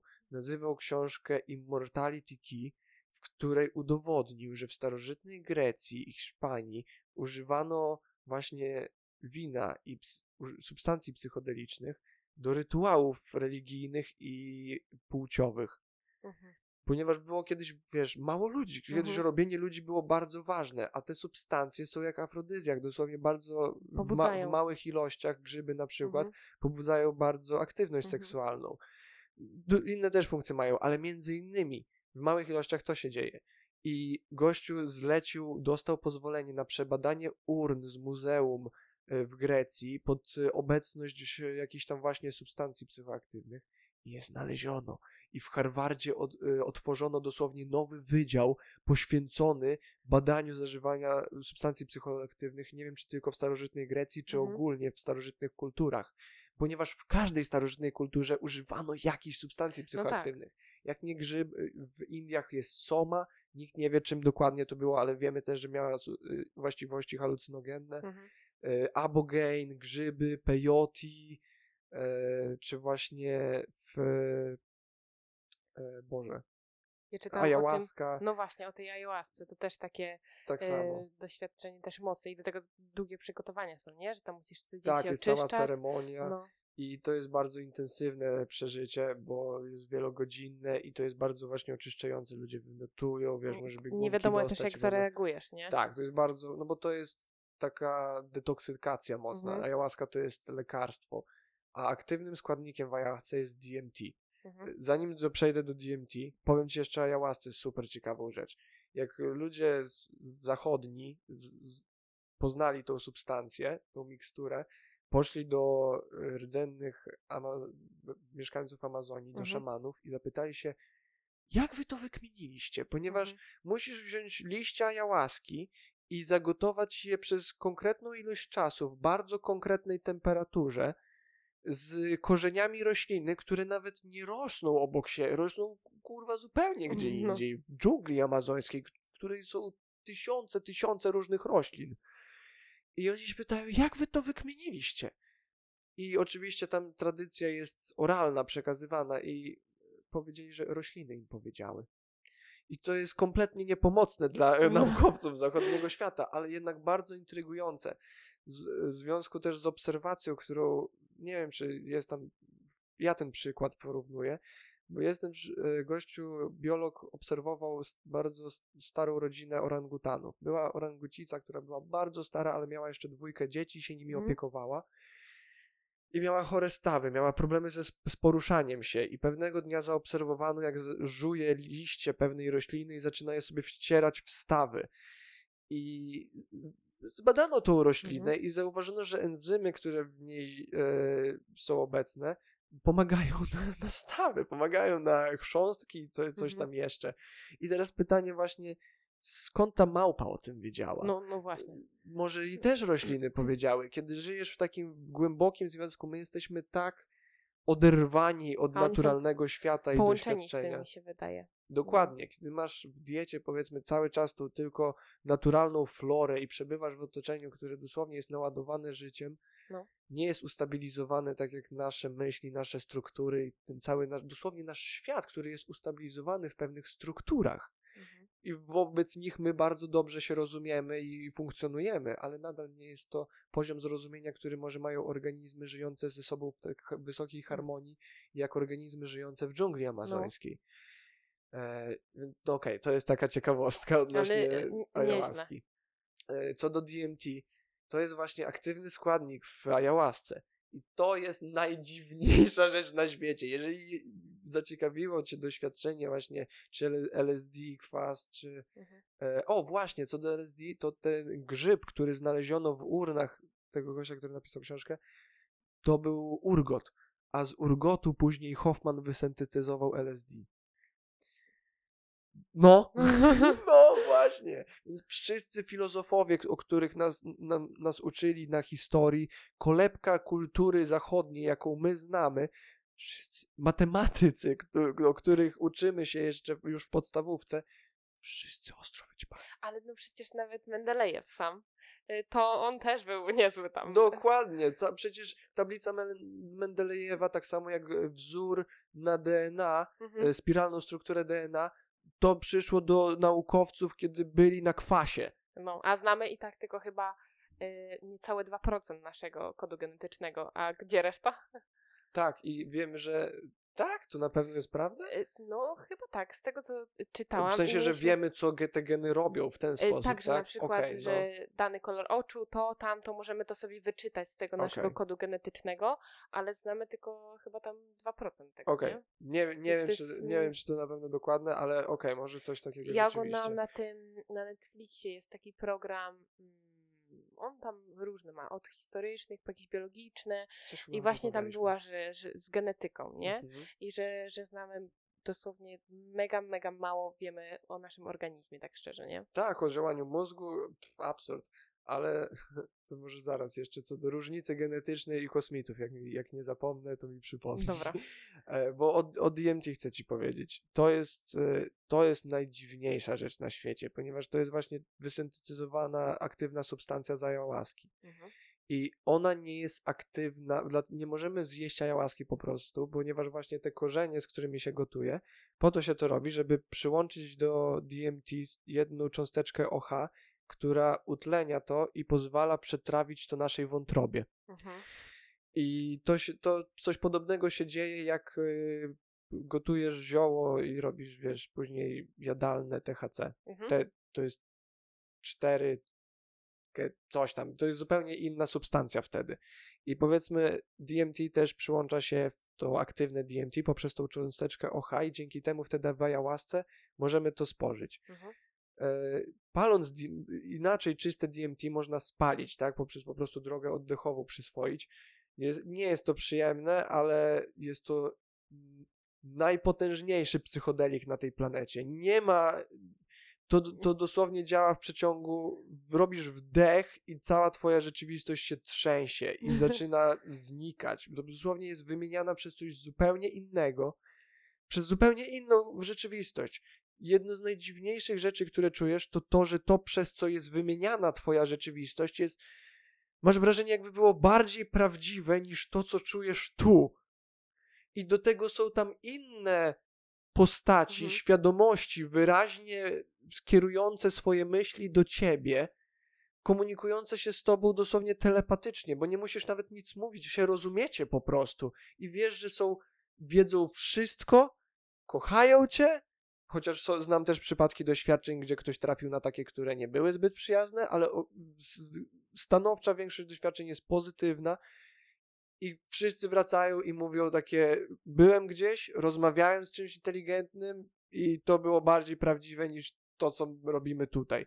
I to wszystko trwa od 5 do 15 minut. No. Po pół go- ja, ja pamiętam, że po tym miałem dosłownie 40 minut później, ja stoję w pokoju i myślę sobie takie, kurwa, ja mogę iść do pracy. dosłownie przed chwilą cała moja rzeczywistość była zupełnie czymś innym. Rozmawiałem z aniołem, nie mogę tego określić inaczej jak anioł, a teraz mogę iść do pracy jakby nigdy nic, bo twój organizm dokładnie wie, co robić z tą substancją. Rozkłada ją na czynniki pierwsze i usuwa swojego organizmu w moment. Mhm. I, I jeszcze dziwniejsze jest to, że twój organizm naturalnie produkuje tą substancję. Twój mózg, płuca, jakieś tam chyba jeszcze inne organy produkują tą substancję. ponad 50% żywych organizmów na tej planecie produkuje tą substancję. No. To jest dosłownie, moim zdaniem, jest to najdziwniejsza rzecz na tej planecie. Jest to niewytłumaczalne i jak już tego doświadczysz, to pozostawia cię to z większą ilością pytań Pytań, niż mhm. odpowiedzi. Kompletny absurd, ale i nadal, pomimo, że jedyne co czujesz to absolutny szok i spokój, to jest to bardzo pozytywne doświadczenie, bo jednak daje ci jakieś takie poczucie bezpieczeństwa, wartości, Mhm.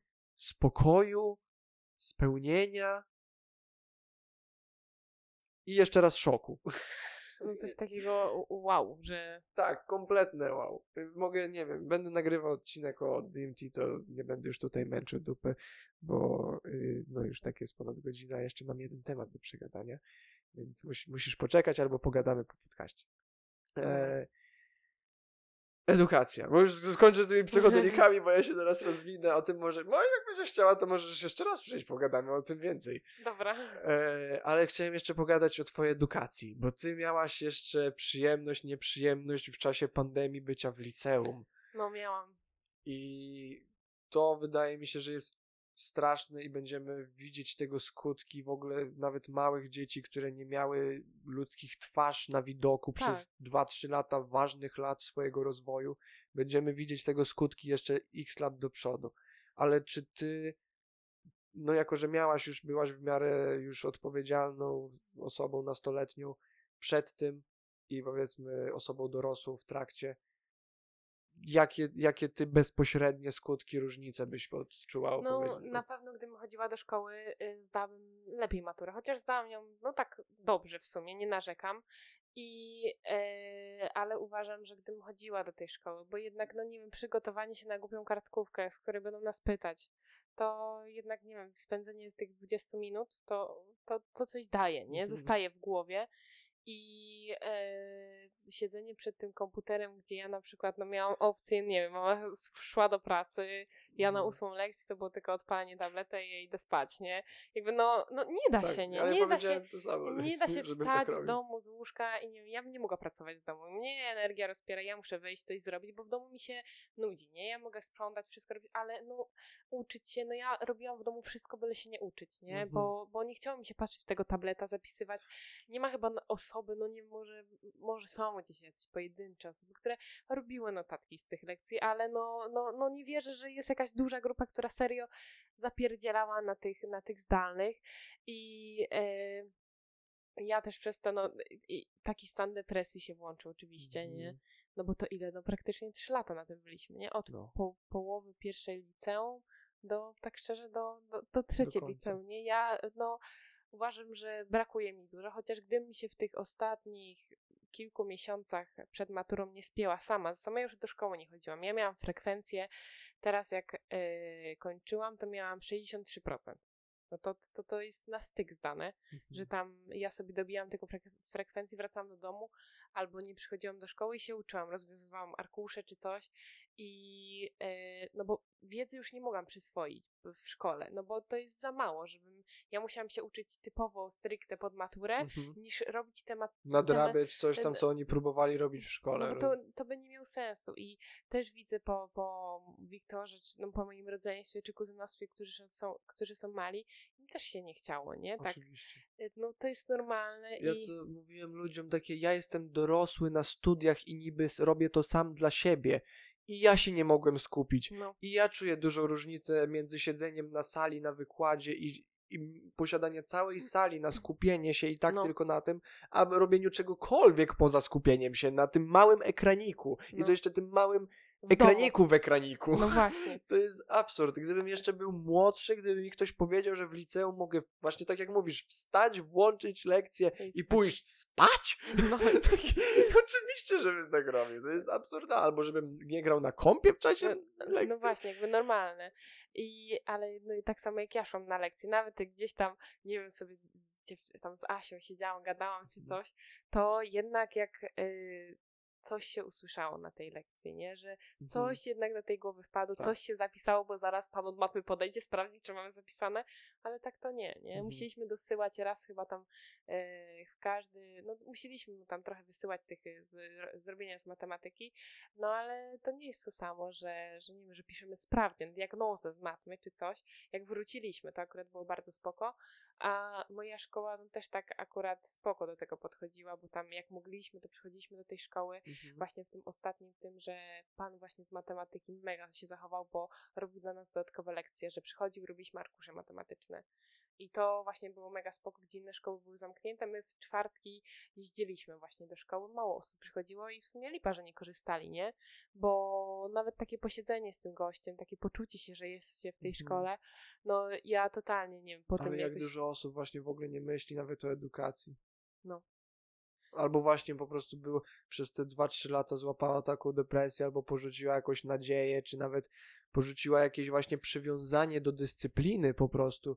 Ja jestem zawsze, robię wszystko na ostatnią chwilę i przez wiele już lat pracowałem nad tym, żeby tak nie robić. Mhm. I zauważyłem, że przez to właśnie, że jakby nic nie trzeba było nigdzie wychodzić, ani robić się, przygotowywać do niczego No. podczas tej pandemii, to znowu cholera, wiesz, jestem w tym gorszy i znowu często się gdzieś śpieszę, bo robię na ostatnią chwilę. Ale to jest właśnie straszne i widzę tak, że dużo małych dzieci też ma problem z Mhm. depresją czy coś. Mi się wydaje, że to też przez... Tak, właśnie o tym nikt nie kontaktu. powiedział, że Ale na to jest teraz tak wszystkie popularne. szpitale psychiatryczne przepełnione z No. dzieciaka, dzie, dziećmi, No. dziećmi, nie, ludźmi niepełnoletnimi. Ale kiedyś, mi się wydaje kiedyś też, e, jak patrzę na przykład na dziadków, w sensie no nie tylko na moich, tylko patrzę ogólnie, że gdzieś tam, jak na przykład e, załóżmy mm, ich dzieci, czyli załóżmy gdzieś tam rodzice, no gdzieś w wieku naszych rodziców, mieli jakiś problem właśnie psychiczny, czy na, z czymś, czy ze sobą na Mhm. przykład, bo e, no najczęściej to są problemy ze samym sobą i e, to na przykład ten starszy, starszy rodzic mówi weź tam, idź, nie wiem, do pracy, coś tam i była taka, że nie było opcji posiadania depresji. A teraz jest tak, że dzieci się nasłuchają, widzą. Masz depresję? Nie, a na pewno? No, no właśnie, są Na pewno? jakieś testy na internecie, to się robi, że o, ty masz 50%, to ty masz bardzo silną depresję, no. I wszyscy, wszyscy ci lekarze zapisują, teraz ci psychiatrzy zapisują najczęściej dosyć mocne leki. I Które mogło to po, pogłębić no tak właśnie, naprawdę. ja się szczerze brałam przez chwilę właśnie dosyć mocne leki, no to normalnie ja szłam, obracałam się za sobą czy coś te pierwsze dni i, i też miałam problem ze spaniem. I teraz zaczęłam medytować przed spaniem albo taką jest na y, Spotify'u taki jakby podcast, gdzie jest właśnie przygotowanie do snu, że tam w tej fazach i tak dalej, że też taka ala medytacja do spania. Boże, technologia. I, i, a wcześniej byłam uzależniona od hydroksyzyny, nie? Że ja zasnąć bez y, tej hydroksyzyny, no nie mogłam. Ja, nieważne, czy na przykład kończyłam pracę o 23 i na 6 miałam, ja potrafiłam nie spać, nie? Siedzieć do Wiesz piątej. coś więcej, co to jest za substancja? Yy, no, to się, na, no, znaczy tak dokładnie nie wiem, ale, Ale to, to jest przednasenne coś? yy, to jest też, to podaje się w szpitalach, na przykład po narkozach czy coś, żeby Mhm. uspokoić i potem powinno się od razu spać, nie? Wow. A ja na przykład brałam o dwa razy większą dawkę niż powinnam, I długo to brałaś? Y, No trochę tak. I później babka, jakby mama mi powiedziała, żebym już tego nie brała, nie? Bo to już Mhm. jest dosyć mocne, nie? I gdzieś tam próbowałam to odstawić i brać takie ziołowe, że na przykład trochę więcej tych ziołowych, ale wiem, że nie wpłyną na mnie tak jak ta Mhm, hydroksyzyna. mhm. I y, teraz na przykład już jest dobrze, ale gdzieś tam wolę sobie na przykład właśnie puścić jakiś podcast taki, który No mnie jasne. uspokoi. A to, to działa dla ciebie też? Tak, Super. i na przykład też mają takie, że tam żołnierskie zasypianie Mhm. i że na Spotify też się da ustawić, ile czasu chcesz mieć ten podcast i na przykład ustawiam sobie załóżmy na pół godziny, no i na przykład y, no zasypiam w te pół godziny, bo później już tego nie odpalam, czyli zasnęłam w ciągu tych pół godziny, nie? To jest też mega spoko. I że serio tam na przykład każe ci tak i tak położyć, mówi do ciebie, że o, odtrąć te negatywne, bo taki Jak mogę, weź sobie troszeczkę wyżej. y, taki overthink y, najgorzej się chyba przed snem ujawnia, że zaczyna się myśleć Tak, samego tak. w pokoju, wszystko. I no właśnie jak był ten, mm, ta pandemia cała, no to wtedy, no, no to wtedy było już no ciężko bardzo, Mhm. nie? Wyobrażam sobie. Znaczy, no, no tylko sobie wyobrażam tak naprawdę. No wiem, jak to z mojej strony też wyglądało. Chyba ni- dla nikogo to nie było lekkie. Nawet jak tak mówi, to może sobie po prostu nie uświadamia, co to, co to co się stało. E, co, co do lekcji, to jeszcze chciałbym, żeby to od ciebie wypłynęło, bo ja słyszałem już wiele i mogę sam tutaj się spuścić, ale proszę, opowiedz nam, jak twoje lekcje przez trzy lata wyglądały, czy twoje lekcje w ogóle wyglądały? No, y, zaczęło się od tego, że na początku nie wszyscy nauczyciele potrafili w ogóle tego używać. I na przykład mamy takiego, miałam takiego starszego nauczyciela od języka angielskiego i no, on tam na przykład na początku na Skype'ie się z nami łączył, coś tam mu nie wychodziło, coś tam, no my też znając te wszystkie e, układy w tym komputerze, no Mhm. na pewno bardziej niż on, no byliśmy w stanie mu powiedzieć, że my nie mamy mikrofonu mówiąc do niego, nie? I są te memy i tak dalej, ale to serio tak działa, nie? I e, na przykład nauczyciel, a dobra, nie masz mikrofonu, to dzisiaj się nie... od- I idziesz dalej spać, nie? I jakby, no, no głupio mi teraz, jakbym miała to powiedzieć w twarz nauczycielom, ale no taka była prawda i to nie tylko my tak robiliśmy, tylko wszyscy. I e, nie a, wiem... a żeby, żeby, żebyś ty wiedziała, co ja odpierdalałem w trakcie zajęć. No właśnie, albo mówienie, że nie ma się internetu, czy coś, no, No. pisząc przez internet, to też dobre, nie? I y, albo ja raz miałam sytuację, gdzie zasnęłam i jak się wszyscy wyłączają z czatu i nagle słyszę tylko Asia, wstajemy. I ja mówię, nie. I tylko szybko się wyłączyłam z tej matmy i, i wjechał właśnie, znaczy ten pan od matmy później, że proszę nie spać na lekcji w ogóle, ale no, no fajnie się w sumie, no teraz jak tak patrzę, no, no śmiesznie wspominać, no ale najgorszy chyba okres jaki mógł być, nie? Gdy, no ja bym chciała chodzić do szkoły, nie? Znaczy to jest właśnie super, że można tu teraz, że można już, że tak szybko można się z tego śmiać, co nie? No. Ale rzeczywiście, tak jak mówisz, to okropny, okropny okres. I ja mam nadzieję, że to nie wróci, bo teraz y, moja babcia z niej z Makowida, z dziadkiem, Myślisz, że może? Ym, no nie wiem, jak z dnia na dzień to zniknęło, to z dnia na dzień może wrócić, nie? Więc to jest y, w ogóle... Ale moja mama już się wkurzyła i mówi, że ona sobie nie pozwoli, nie? Że to już jest przesada, nie? Że, Dużo. że, że mieszają nam w tych głowach i moja mama powiedziała, jak właśnie zaczęły się te zdalne, ona mówi, że nie chce nikogo obrażać, ale to będzie pokolenie debili, nie?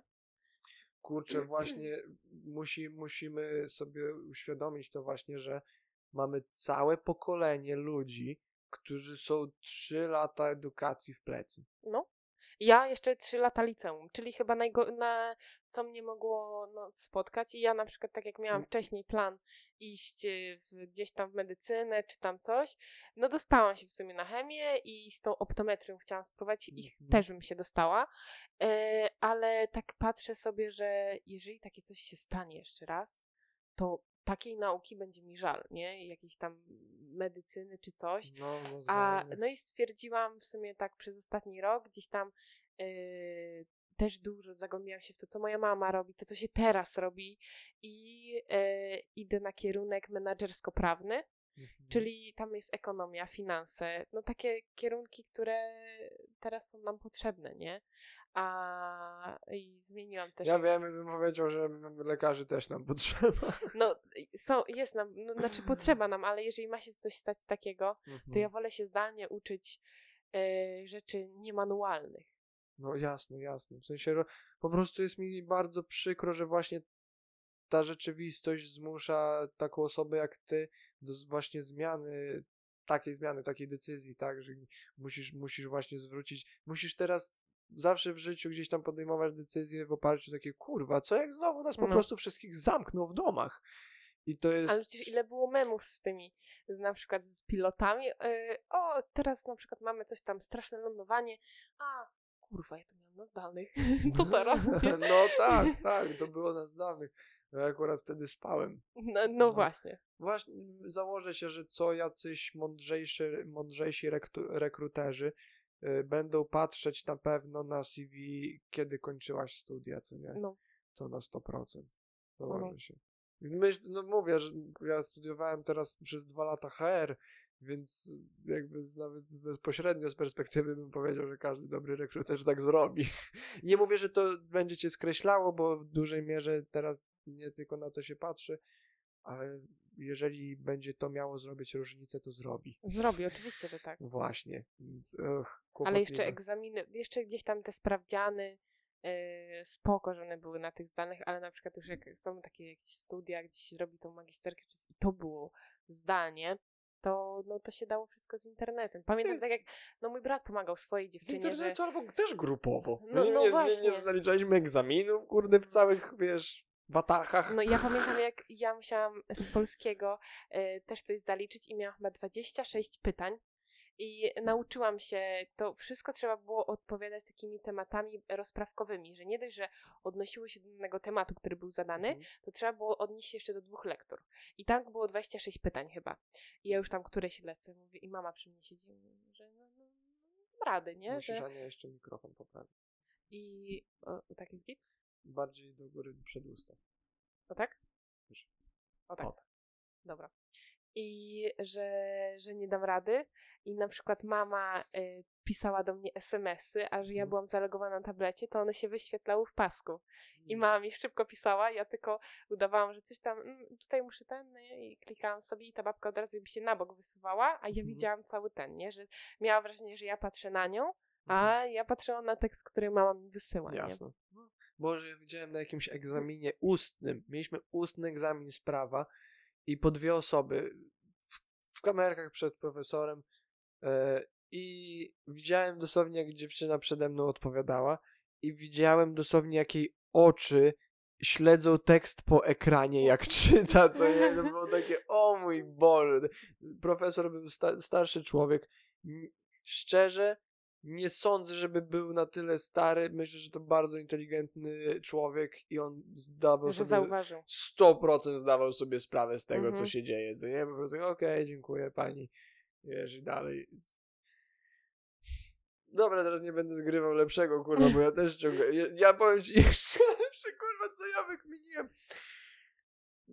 Kawałek taśmy wziąłem i porobiłem na nim kupę odcisków palców, zakleiłem kamerkę, że niby jest słabej jakości. No Żeby dobra. nie było widać właśnie jak śledzę tekst po ekranie, czy jak przeszukuję coś. To było tak głupie. Ale to też ja widziałam na, na TikToku, widziałam jak bierze się zwykłą wazelinę, czy tam jakiś błyszczyk i też właśnie robi się tylko po, że nakleja się taśmę i tym błyszczykiem właśnie na, na kamerkę i też jest y, no tak, tak rozmazane, że, że nie da się zobaczyć jakby, że twarz się jakoś mocno rusza, czy coś. To, to, Czy to, oczy nawet, co No. czasami to tylko oczy po ekranie muszą latać, to po tym zobaczysz. No. O, to też jest całkiem zabawne, o, jak ogólnie ludzie ewoluowali do rozpoznawania ludzkich twarzy i osób Mhm. ogólnie. Więc ludzie byli zdziwieni, jak wszyscy nosili maseczki i nadal praktycznie wszystkie emocje po oczach można było odczytać. Mhm. To jest dla mnie całkiem też ciekawe doświadczenie społeczne. Ale nieciekawym doświadczeniem społecznym jest taki jedno trzylatek, który przez dwa lata ogląda wszystkich, nie widzi, twarzy nie widzi, bo No. jedyne twarze, jakie widzi praktycznie to, jego rodzice. rodzice. To musi być, nie mam pojęcia jak dziwne to będzie w rozwoju dla dziecka na przyszłość. Mhm. W sensie, co to już zrobiło, bo to już się wydarzyło. Takie, Ale dla mnie w ogóle takie wpajanie, ja rozumiem, że ktoś tam może się bać i tak dalej, jakby okej, nie? Każdy ma do tego inne podejście. Mhm. ale wpajanie dzieciom, że, że to jest takie straszne, że ile razy mi na przykład babka zwróciła uwagę, że ja nie mam tej maseczki czy coś, ja mówię, ale to pani dba o swoje zdrowie, nie? To, że ja się mogę zarazić czy coś, to mnie to tam... Mi się wydaje, wiesz co, że w tym chodzi po prostu o to, że ludzie, którzy nie mają władzy kompletnie nad nawet swoim życiem, nagle dostali władzę nad czyimś życiem. Mogą komuś powiedzieć, mogą kogoś pouczyć i Mhm. mają do tego pełne prawo. Nie dość, że moralne, to jeszcze jakieś właśnie społeczne, żeby powiedzieć ci, załóż maseczkę, czemu nie masz maseczki? No i to jest takie i one się czują nas. Ile ja po prostu razy byłem w sklepie jakimś i, i ta pani po prostu pusto, kurwa, wszędzie, gorąco na podwórku. Mhm. Zdrowy chłop młody wchodzi, forma ekstra i, i widzę tu, tu jedną babeczkę, jedna ze mną rozmawia, wszystko w porządku, podchodzi druga i ale proszę założyć maseczkę, bo panu nie pomogę. Ja po prostu. Ja tak, okej, dobra, wyjąłem maseczkę i ją założyłem, jakby zero problemu. Prosisz mnie, jesteś w sklepie, pracujesz, nie będę robił żadnego problemu. Ale widziałem, jak on, jaką ona ma po prostu taką och, przyjemność, kurwa, że mi zwróciła tu uwagę, że się jej posłuchałem, że mam tą masę. I zaraz z uśmiechem ze mną mówi, że przed chwilą do mnie jak, jak pies zawarczała dosłownie, a teraz może z uśmiechem do mnie mówi. Ale to ja jak, Maria. y, jak miałam tą żabkę praktycznie pod blokiem, bo już tam nie mieszkam. Mhm. I no nie miała tam w dresie szybko z Sisi, tu idę na spacer i wchodzę tylko do żabki po jedną rzecz, chyba po papierosy czy coś takiego i babka do mnie klepie mnie, a pani maseczki to nie ma, ani w ogóle nie pracowała tam, ani nic, nie? Ja patrzę, wszyscy co tam pracują mają maseczki, wszyscy tylko mają maseczki, ja tylko po te fajki, tylko wleciałam i wyleciałam, nie? A ja mówię, a pani okularów nie ma, że pani nie widzi? A ona, Noise. a ona, e, że zaraz to ja mogę po policję zadzwonić. Ja mówię, proszę bardzo, ja już sobie idę. Pani może sobie dzwonić. Niech mnie gonią. No, ale ja na przykład mam jeden mandat za maseczkę. e, Na stacji benzynowej dostałam. Ale wewnątrz czy... E, No jak wchodziłam do środka, to się tam zasłoniłam koszulką, czy tam golfem, czy coś. Zapłaciłaś go? I nie. Dobrze. A odwołałaś się? E, Nie, bo to było w Trzeba było. styczniu. Trzeba było się odwołać. No. Ty, ja dostałem też, próbowano mi wlepić mandat za... Ja ile ci wlepili? Pięć dych. Pięć dych właśnie. Dla mnie to też taka opłata, kurwa mać. Przepraszam. Było tuż przed Wielkanocą. Mhm. Cieplutki dzień. W promieniu 15 metrów nikogo dookoła mnie. Idę sobie, słucham muzyki, nawet z nikim nie rozmawiam. I podjeżdża do mnie kabaryna, wiesz, uuu. Ja takie, co, maseczka? A on, no dlaczego pan nie ma? Takie, no bo idę, jest pusto i jest ciepło i jestem tu sam. Ja raz miałam taką straszną historię. Pojechałyśmy z dziewczynami y, tam się przyjechać na rolki. Właśnie jak był okres wakacji czy coś takiego, ale że trzeba było mieć maseczki na zewnątrz. No i my sobie zapaliłyśmy. I jedziemy na tych rolkach, fajny vibe tutaj i Czuł. tak dalej. I nie mamy maseczki. I, a ja jeszcze w plecaku przecież sprzęty, nie? Myślę sobie. Tylko żeby nas nie złapali, ale gdzieś tam, no jak byliśmy tam w dobrym humorze, to mi to nie przeszkadzało. I sobie jedziemy, jedziemy drogą w ogóle taką, co ludzi nie ma. I no nie jakąś taką, e, no właśnie taką otwartą, no wszystko. I nagle podjeżdża do nas gościu i mówi, że proszę brać maseczki. Ja tam ubieram i właśnie moja koleżanka była tak ułapcona, ułapcona, ona stoi, ona stoi, nie. Jak ten SpongeBob jaskiniowy. I ja mówię, no nie, ubierz maseczkę, ona ha. Mówię, ubierz tą maseczkę, bo zaczęła już się dziwnie No, patrzeć, nie? już- już- Ja je wyciągnęłam z plecaka, bo ona miała w kieszeni, bo miałyśmy jakby to co zdjęłyśmy. Ona, ha, aha, i ubrała tylko. I ja mówię, Jezus Maria, dobrze, że oni no, się nam nie przypatrywali, Ale ale... to właśnie też, podjeżdża, jedziecie sobie zero problemu, życie, żyjecie sobie i po chuju ma się zatrzymać wam kazać tę maseczkę założyć, tylko dlatego, że może to zrobić. Jak, ale nie wlepił wam ten. Nie, nie, O, nie. okej. A, s- Wtedy dla mnie dosłownie podjechała dwóch policjantów i mówi, że będzie mandat. Ja Mhm. tak się zacząłem śmiać. Mówię, ile? 50 zł. Zacząłem się, wiesz, jeszcze głośniej się zaśmiałem. Mówię, mówi, że pan może pan nie przyjmować. Ja mówię, jasne, Mhm. że nie przyjmuję, absolutnie. I była oczywiście, wiesz, sprawa do sądu. Musiałem Mhm. pójść na komisariat, się wyspowiadać, dlaczego tak zrobiłem.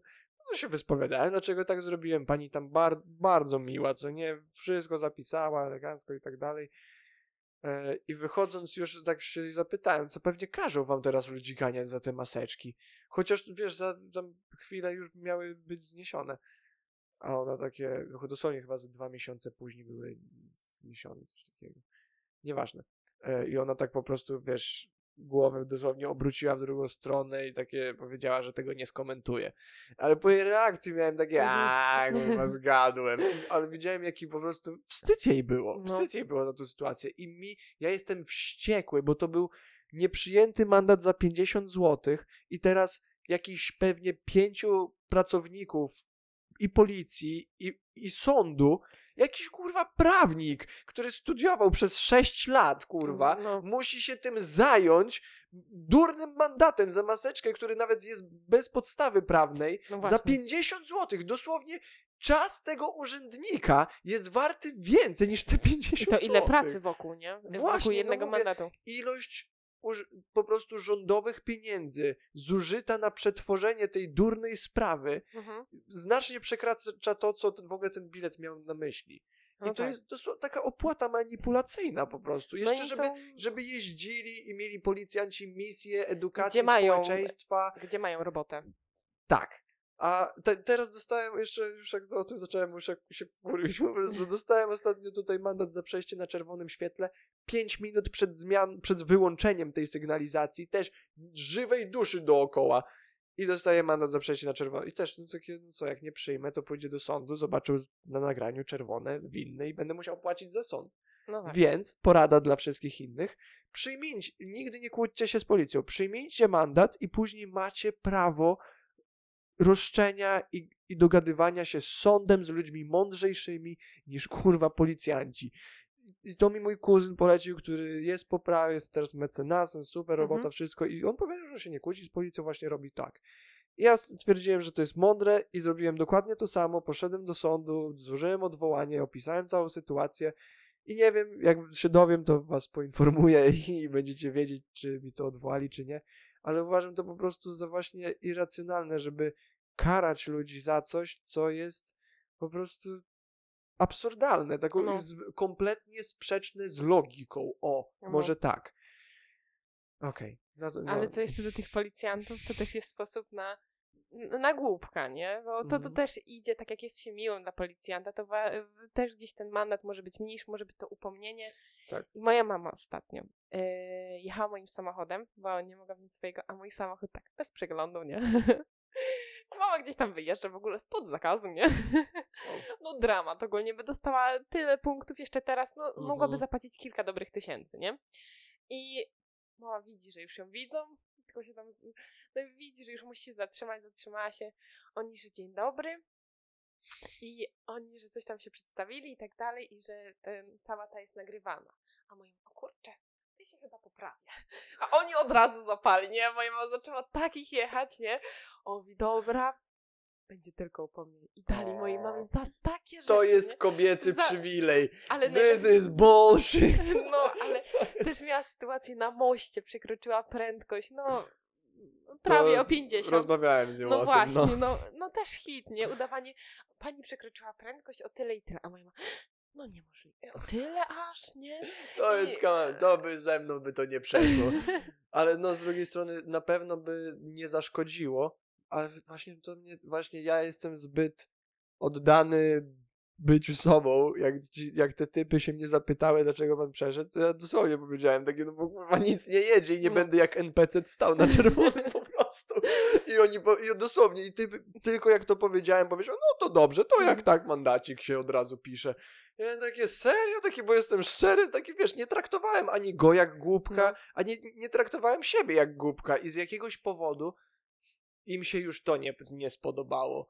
I ja wiem, że policjanci pewnie mają dużo jakichś stresujących sytuacji i tak dalej, ale jak dużo z tego stresu z pracy oni sami tworzą. No właśnie. I też tutaj mogę lekko usprawiedliwić policjantów w tym, że narzuca się na nich robienie statystyk. No to tak, ale też yy, policja, jakby oni sami, jako ci, co chodzą, sprawdzają i tak dalej, sami nie mogą dużo zrobić, bo im to jest narzucane z góry. Więc oni, tak czy to jest ich praca, nie? Że. Nie zgodzę się z tym. Masz, nadal A, jesteś człowiekiem. Oczywiście podejście, podejście to jest ich sprawa, ale jeżeli chodzi o, o takie rzeczy gdzieś tam, których muszą się uczepić, to to nie jest ich wina, że oni te dane rzeczy muszą sprawdzać. Tak mi się wydaje. Okej, tak, ale mają też różne narzędzia. Jak na przykład powiedzmy w mojej sytuacji tutaj, to jest dosłownie jakby, tak samo jak z tymi maseczkami, jedziecie, jest pusto wszędzie, to jest, no tak, to jest dać to nękanie. pouczenie. Dokładnie, No. to jest po prostu nękanie. Tak samo jak ja tutaj, zero, po prostu jest to tak absurdalne dla, dla mnie jako dla dorosłego człowieka, który umie chodzić po ziemi, takie kurwa, umie, wie, wie co się wokół niego dzieje, jest absurdalne stać i się patrzeć na pustą drogę. No. Kiedy jest 11 wieczorem, już ja, ma, ja jestem 100 metrów od domu, to jest po prostu głupie dla mnie i nie chcę takich głupich rzeczy robić, więc rozumiem, że podjechali takie człowieku, no ej, ja powie, powiedziałbym, że w życiu tak w dzień nie zrobił, widzę, że jest bezpiecznie, no nie No. sądziłem, że to byłby kłopot,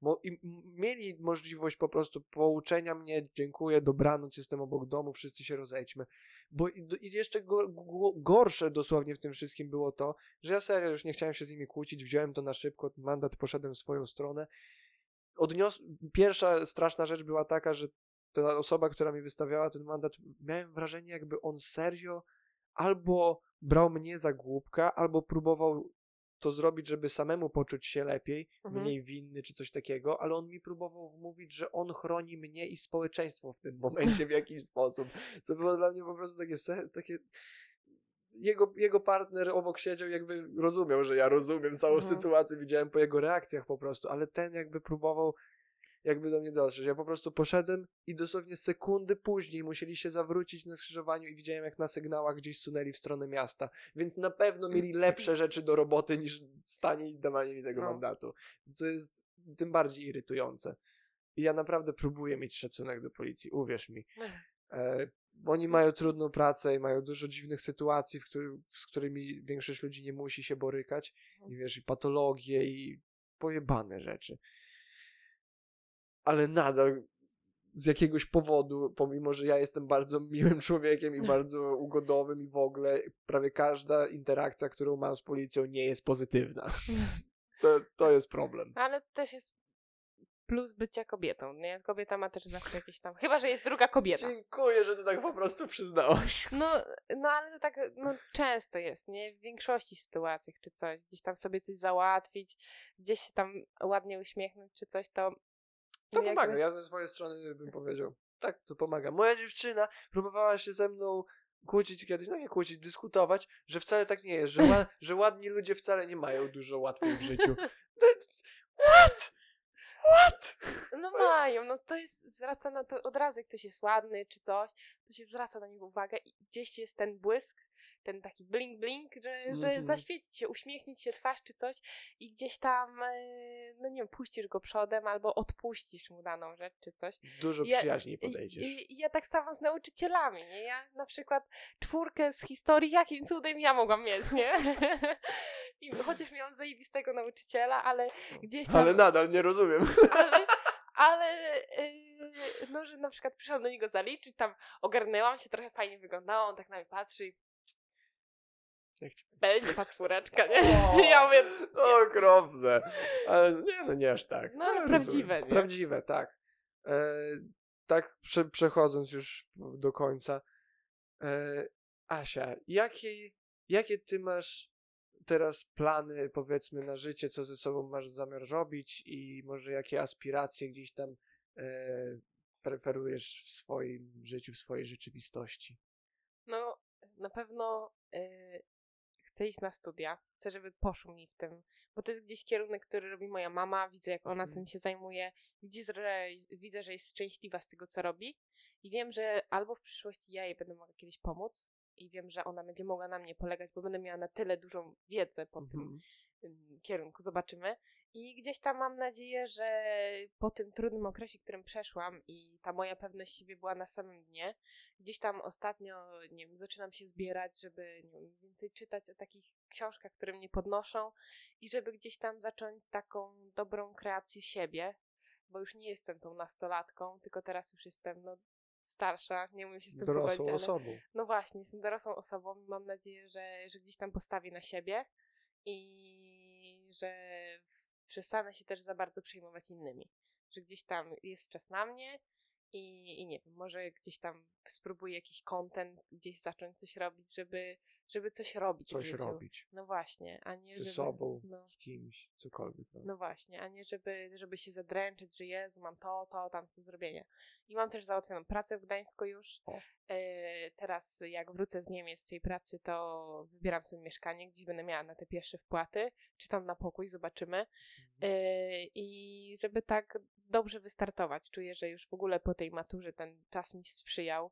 I czy z wyjazdu? No ja od kiedy skończyłam maturę, to tak, skończyłam maturę, miałam zaraz wyjazd do Holandii, wróciłam z Holandii, pojechałam do Turcji, wróciłam z Turcji, pojechałam z, ze znajomymi do Białogóry, Mhm. wróciłam z Białogóry, pojechałam do Trójmiasta yy, na Openera, wróciłam z Openera, Wow. pojechałam do Warszawy, yy, z, tam ze znajomymi zobaczyć, wróciłam z Warszawy, znowu pojechałam do babci, tam do dziadków, znowu do Trójmiasta jeszcze załatwić te papiery. I ja byłam w szoku, no normalnie, no ostatnio taki mi czas sprzyja, że jak robiłam sobie pół roku temu zdjęcia do prawa jazdy, robiłam je cztery razy, Mhm. żadne mi się nie podobało, nie? Ale zrobiłam ostatnio, nie? I mówię, no ten czas mi tak sprzyja, że no nawet zdjęcie do prawa jazdy mi się podoba, bo no nie wiem, no serio ładnie wyglądam, nie? Oj, może, mogę. Wow. No, no serio ładne zdjęcie, nie? Jak te wszystkie do dowodu wyglądają strasznie, czy tam do Nice. legitymacji. To nawet to głupie zdjęcie mi wyszło, nie? Myślę sobie, nie no. Perfekten szlag. Oglądałaś The Office? Y, tak. No. A cały? Y, nie, A to nie jeszcze nie wiesz, co to jest perfekten szlag. Nie. Może, może, nie wiem. Ja skończyłam gdzieś tam. no, Tego, tam odcinków jest pełno, więc. Dziewięć są. No właśnie. Ale spokojnie, jak już zaczniesz oglądać The Office, to nigdy nie kończysz. Ja to już pewnie z dziewiąty raz lecę. prostu. e, właśnie co do jeszcze twoich wyjazdów i imprez chciałem z tobą porozmawiać. No to będziesz musiała jeszcze raz przyjść po prostu. Dobra. Mam jeszcze parę tematów do, do zapytania. Ale super, Asia, jestem bardzo dumny, cieszę się, że mogłem cię uczyć i cię poznać.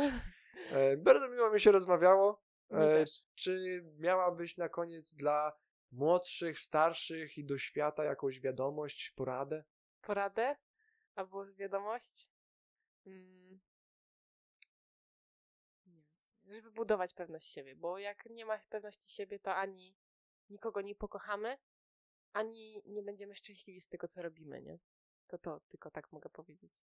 Super. I to jest piękne zdanie na koniec. Dzięki wszystkim za słuchanie. Cześć. Dzięki Asia za obecność i elo wszystkim. Pa.